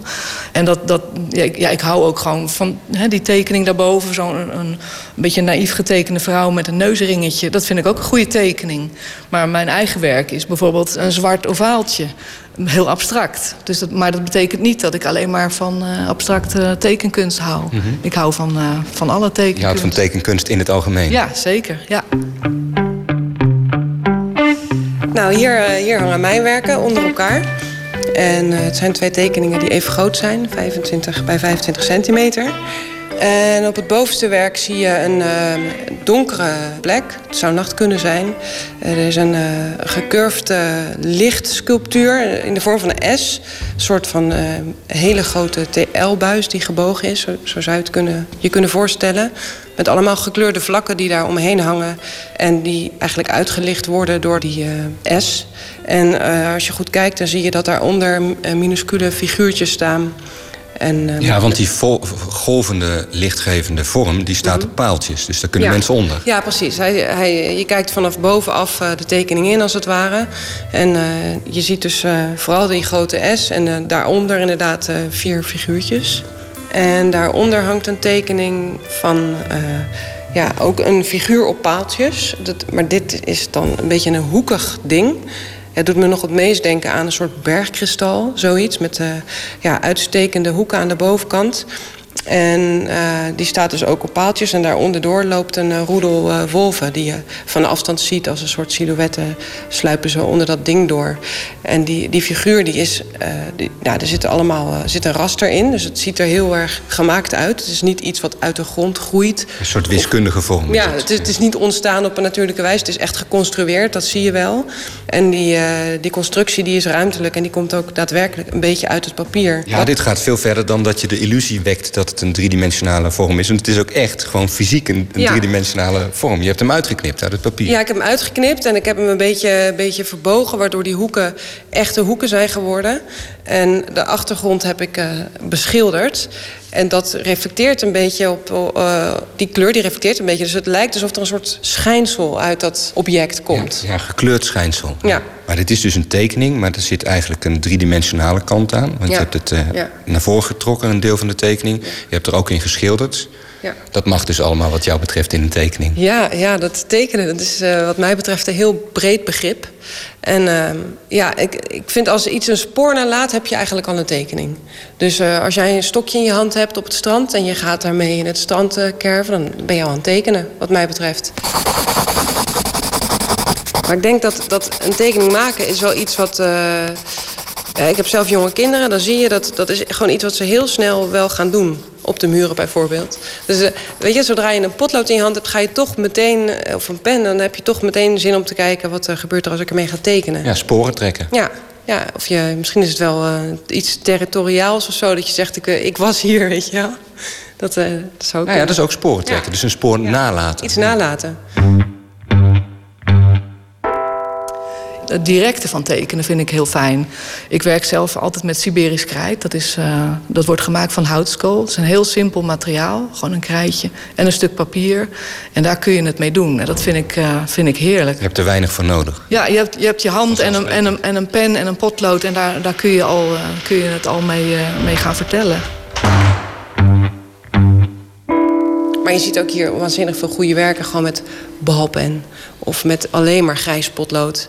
En, of alleen maar een, eh, een likje inkt. Dat vind ik ook wel mooi aan tekeningen. Dat, dat het zo simpel kan zijn. Dus dat je met.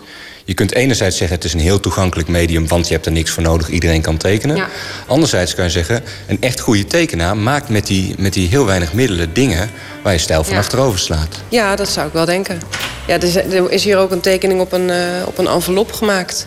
Ja, die ziet er toch wel heel subliem uit. Hier hangt die. Dus dat, Ik denk dat de meeste mensen dit niet doen met een envelop. Weet je, precies achter dat raampje en zo'n vergezichtje. Oh ja, het is een vensterenvelop. Ja. Ja, ja. En je kijkt En door het venster van, het ven- van de vensterenvelop... en dan kijk je uit op zee. Ja, dat, dat is, dit zijn gewoon middelen die iedereen wel in huis heeft. Maar ik denk dat, dat deze kunstenaar toch de enige is die dit zo eh, subliem weet uit te werken. Ja. Dus een, een, een zeegezicht achter het venster van zo'n van zo'n envelop. Ja. Grappig. Ja, om maar een voorbeeld te geven van eh, hoe, hoe huiselijk de ingrediënten kunnen zijn voor een tekening.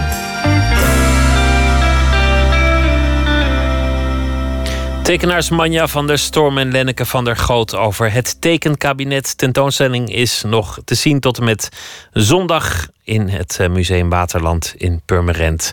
Meer informatie op tekenkabinet.nl. Een eh, bijdrage van Gijsbert van der Wal was dat. De Amerikaanse formatie Yo La Tengo kun je tot de veteranen rekenen van de Amerikaanse independent rock. Ze vieren hun eh, 30ste jubileum met het album Stuff Like That There.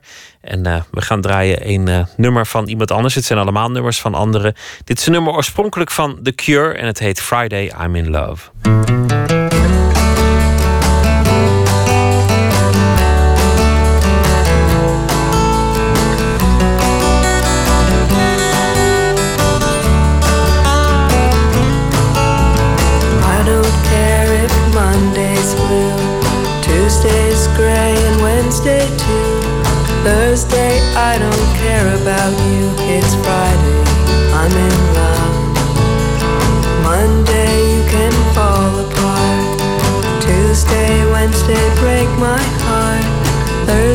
Doesn't even start. It's Friday, I'm in love.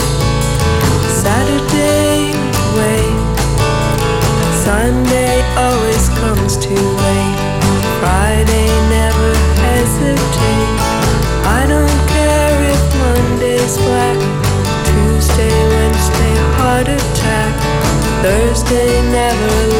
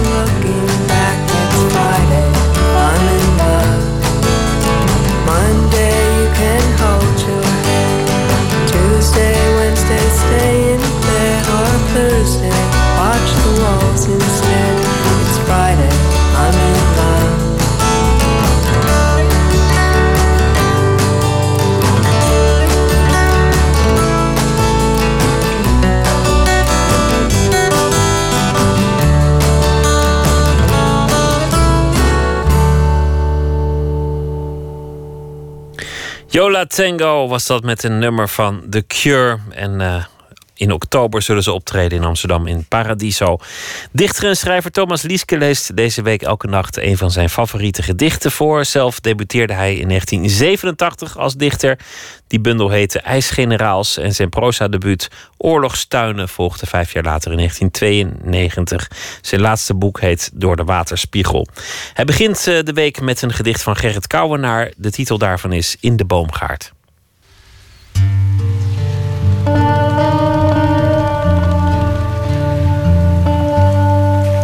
Gedicht In de boomgaard van Gerrit Kouwenaar.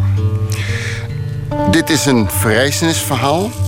En dat betekent dat er iemand die dood is in een gedicht terugkomt of in een verhaal.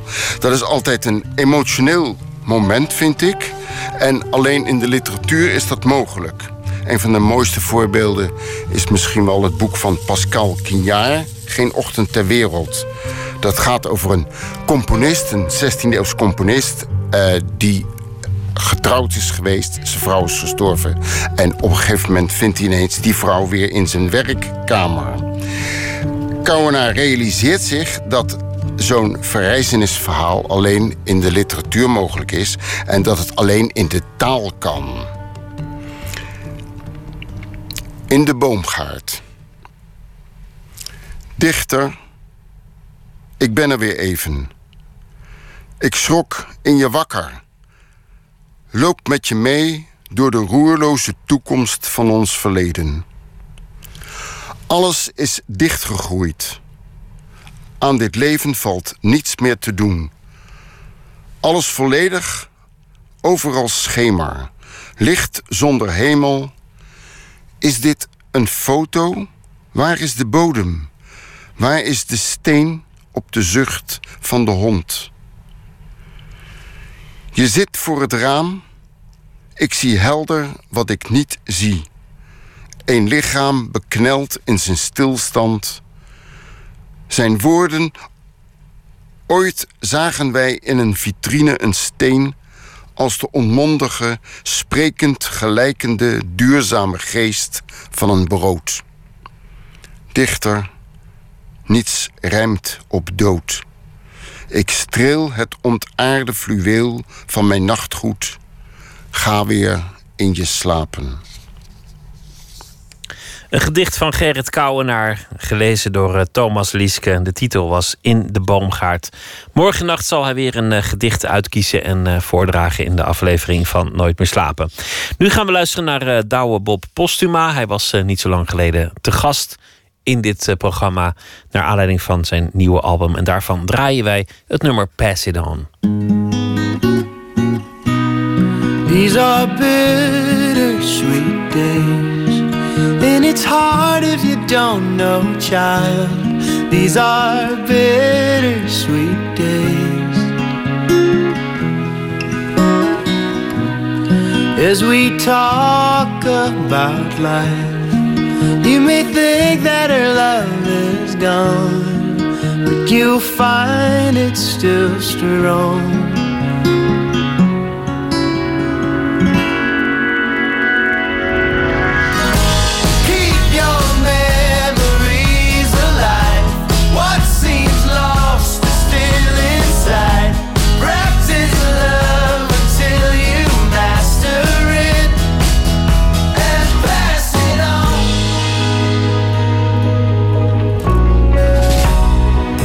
Are days as they come, in the struggle of moving on. These are days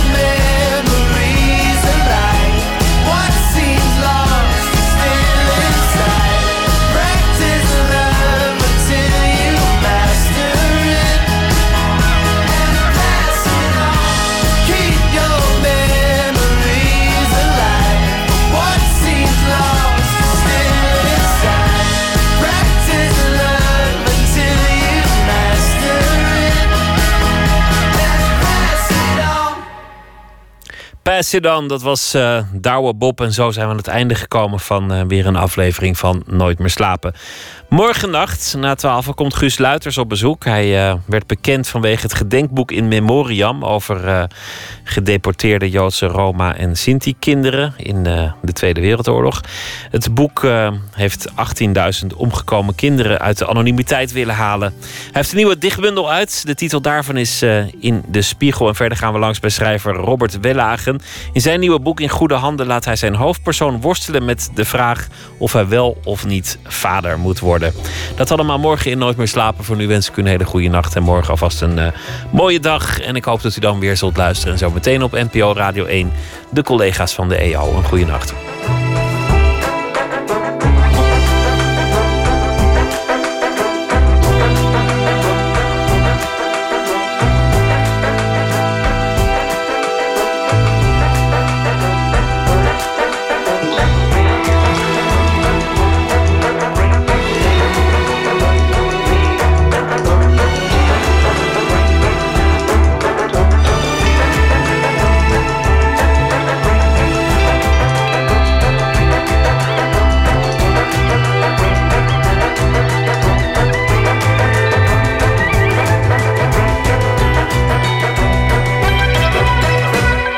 Op Radio 1, het nieuws van alle kanten.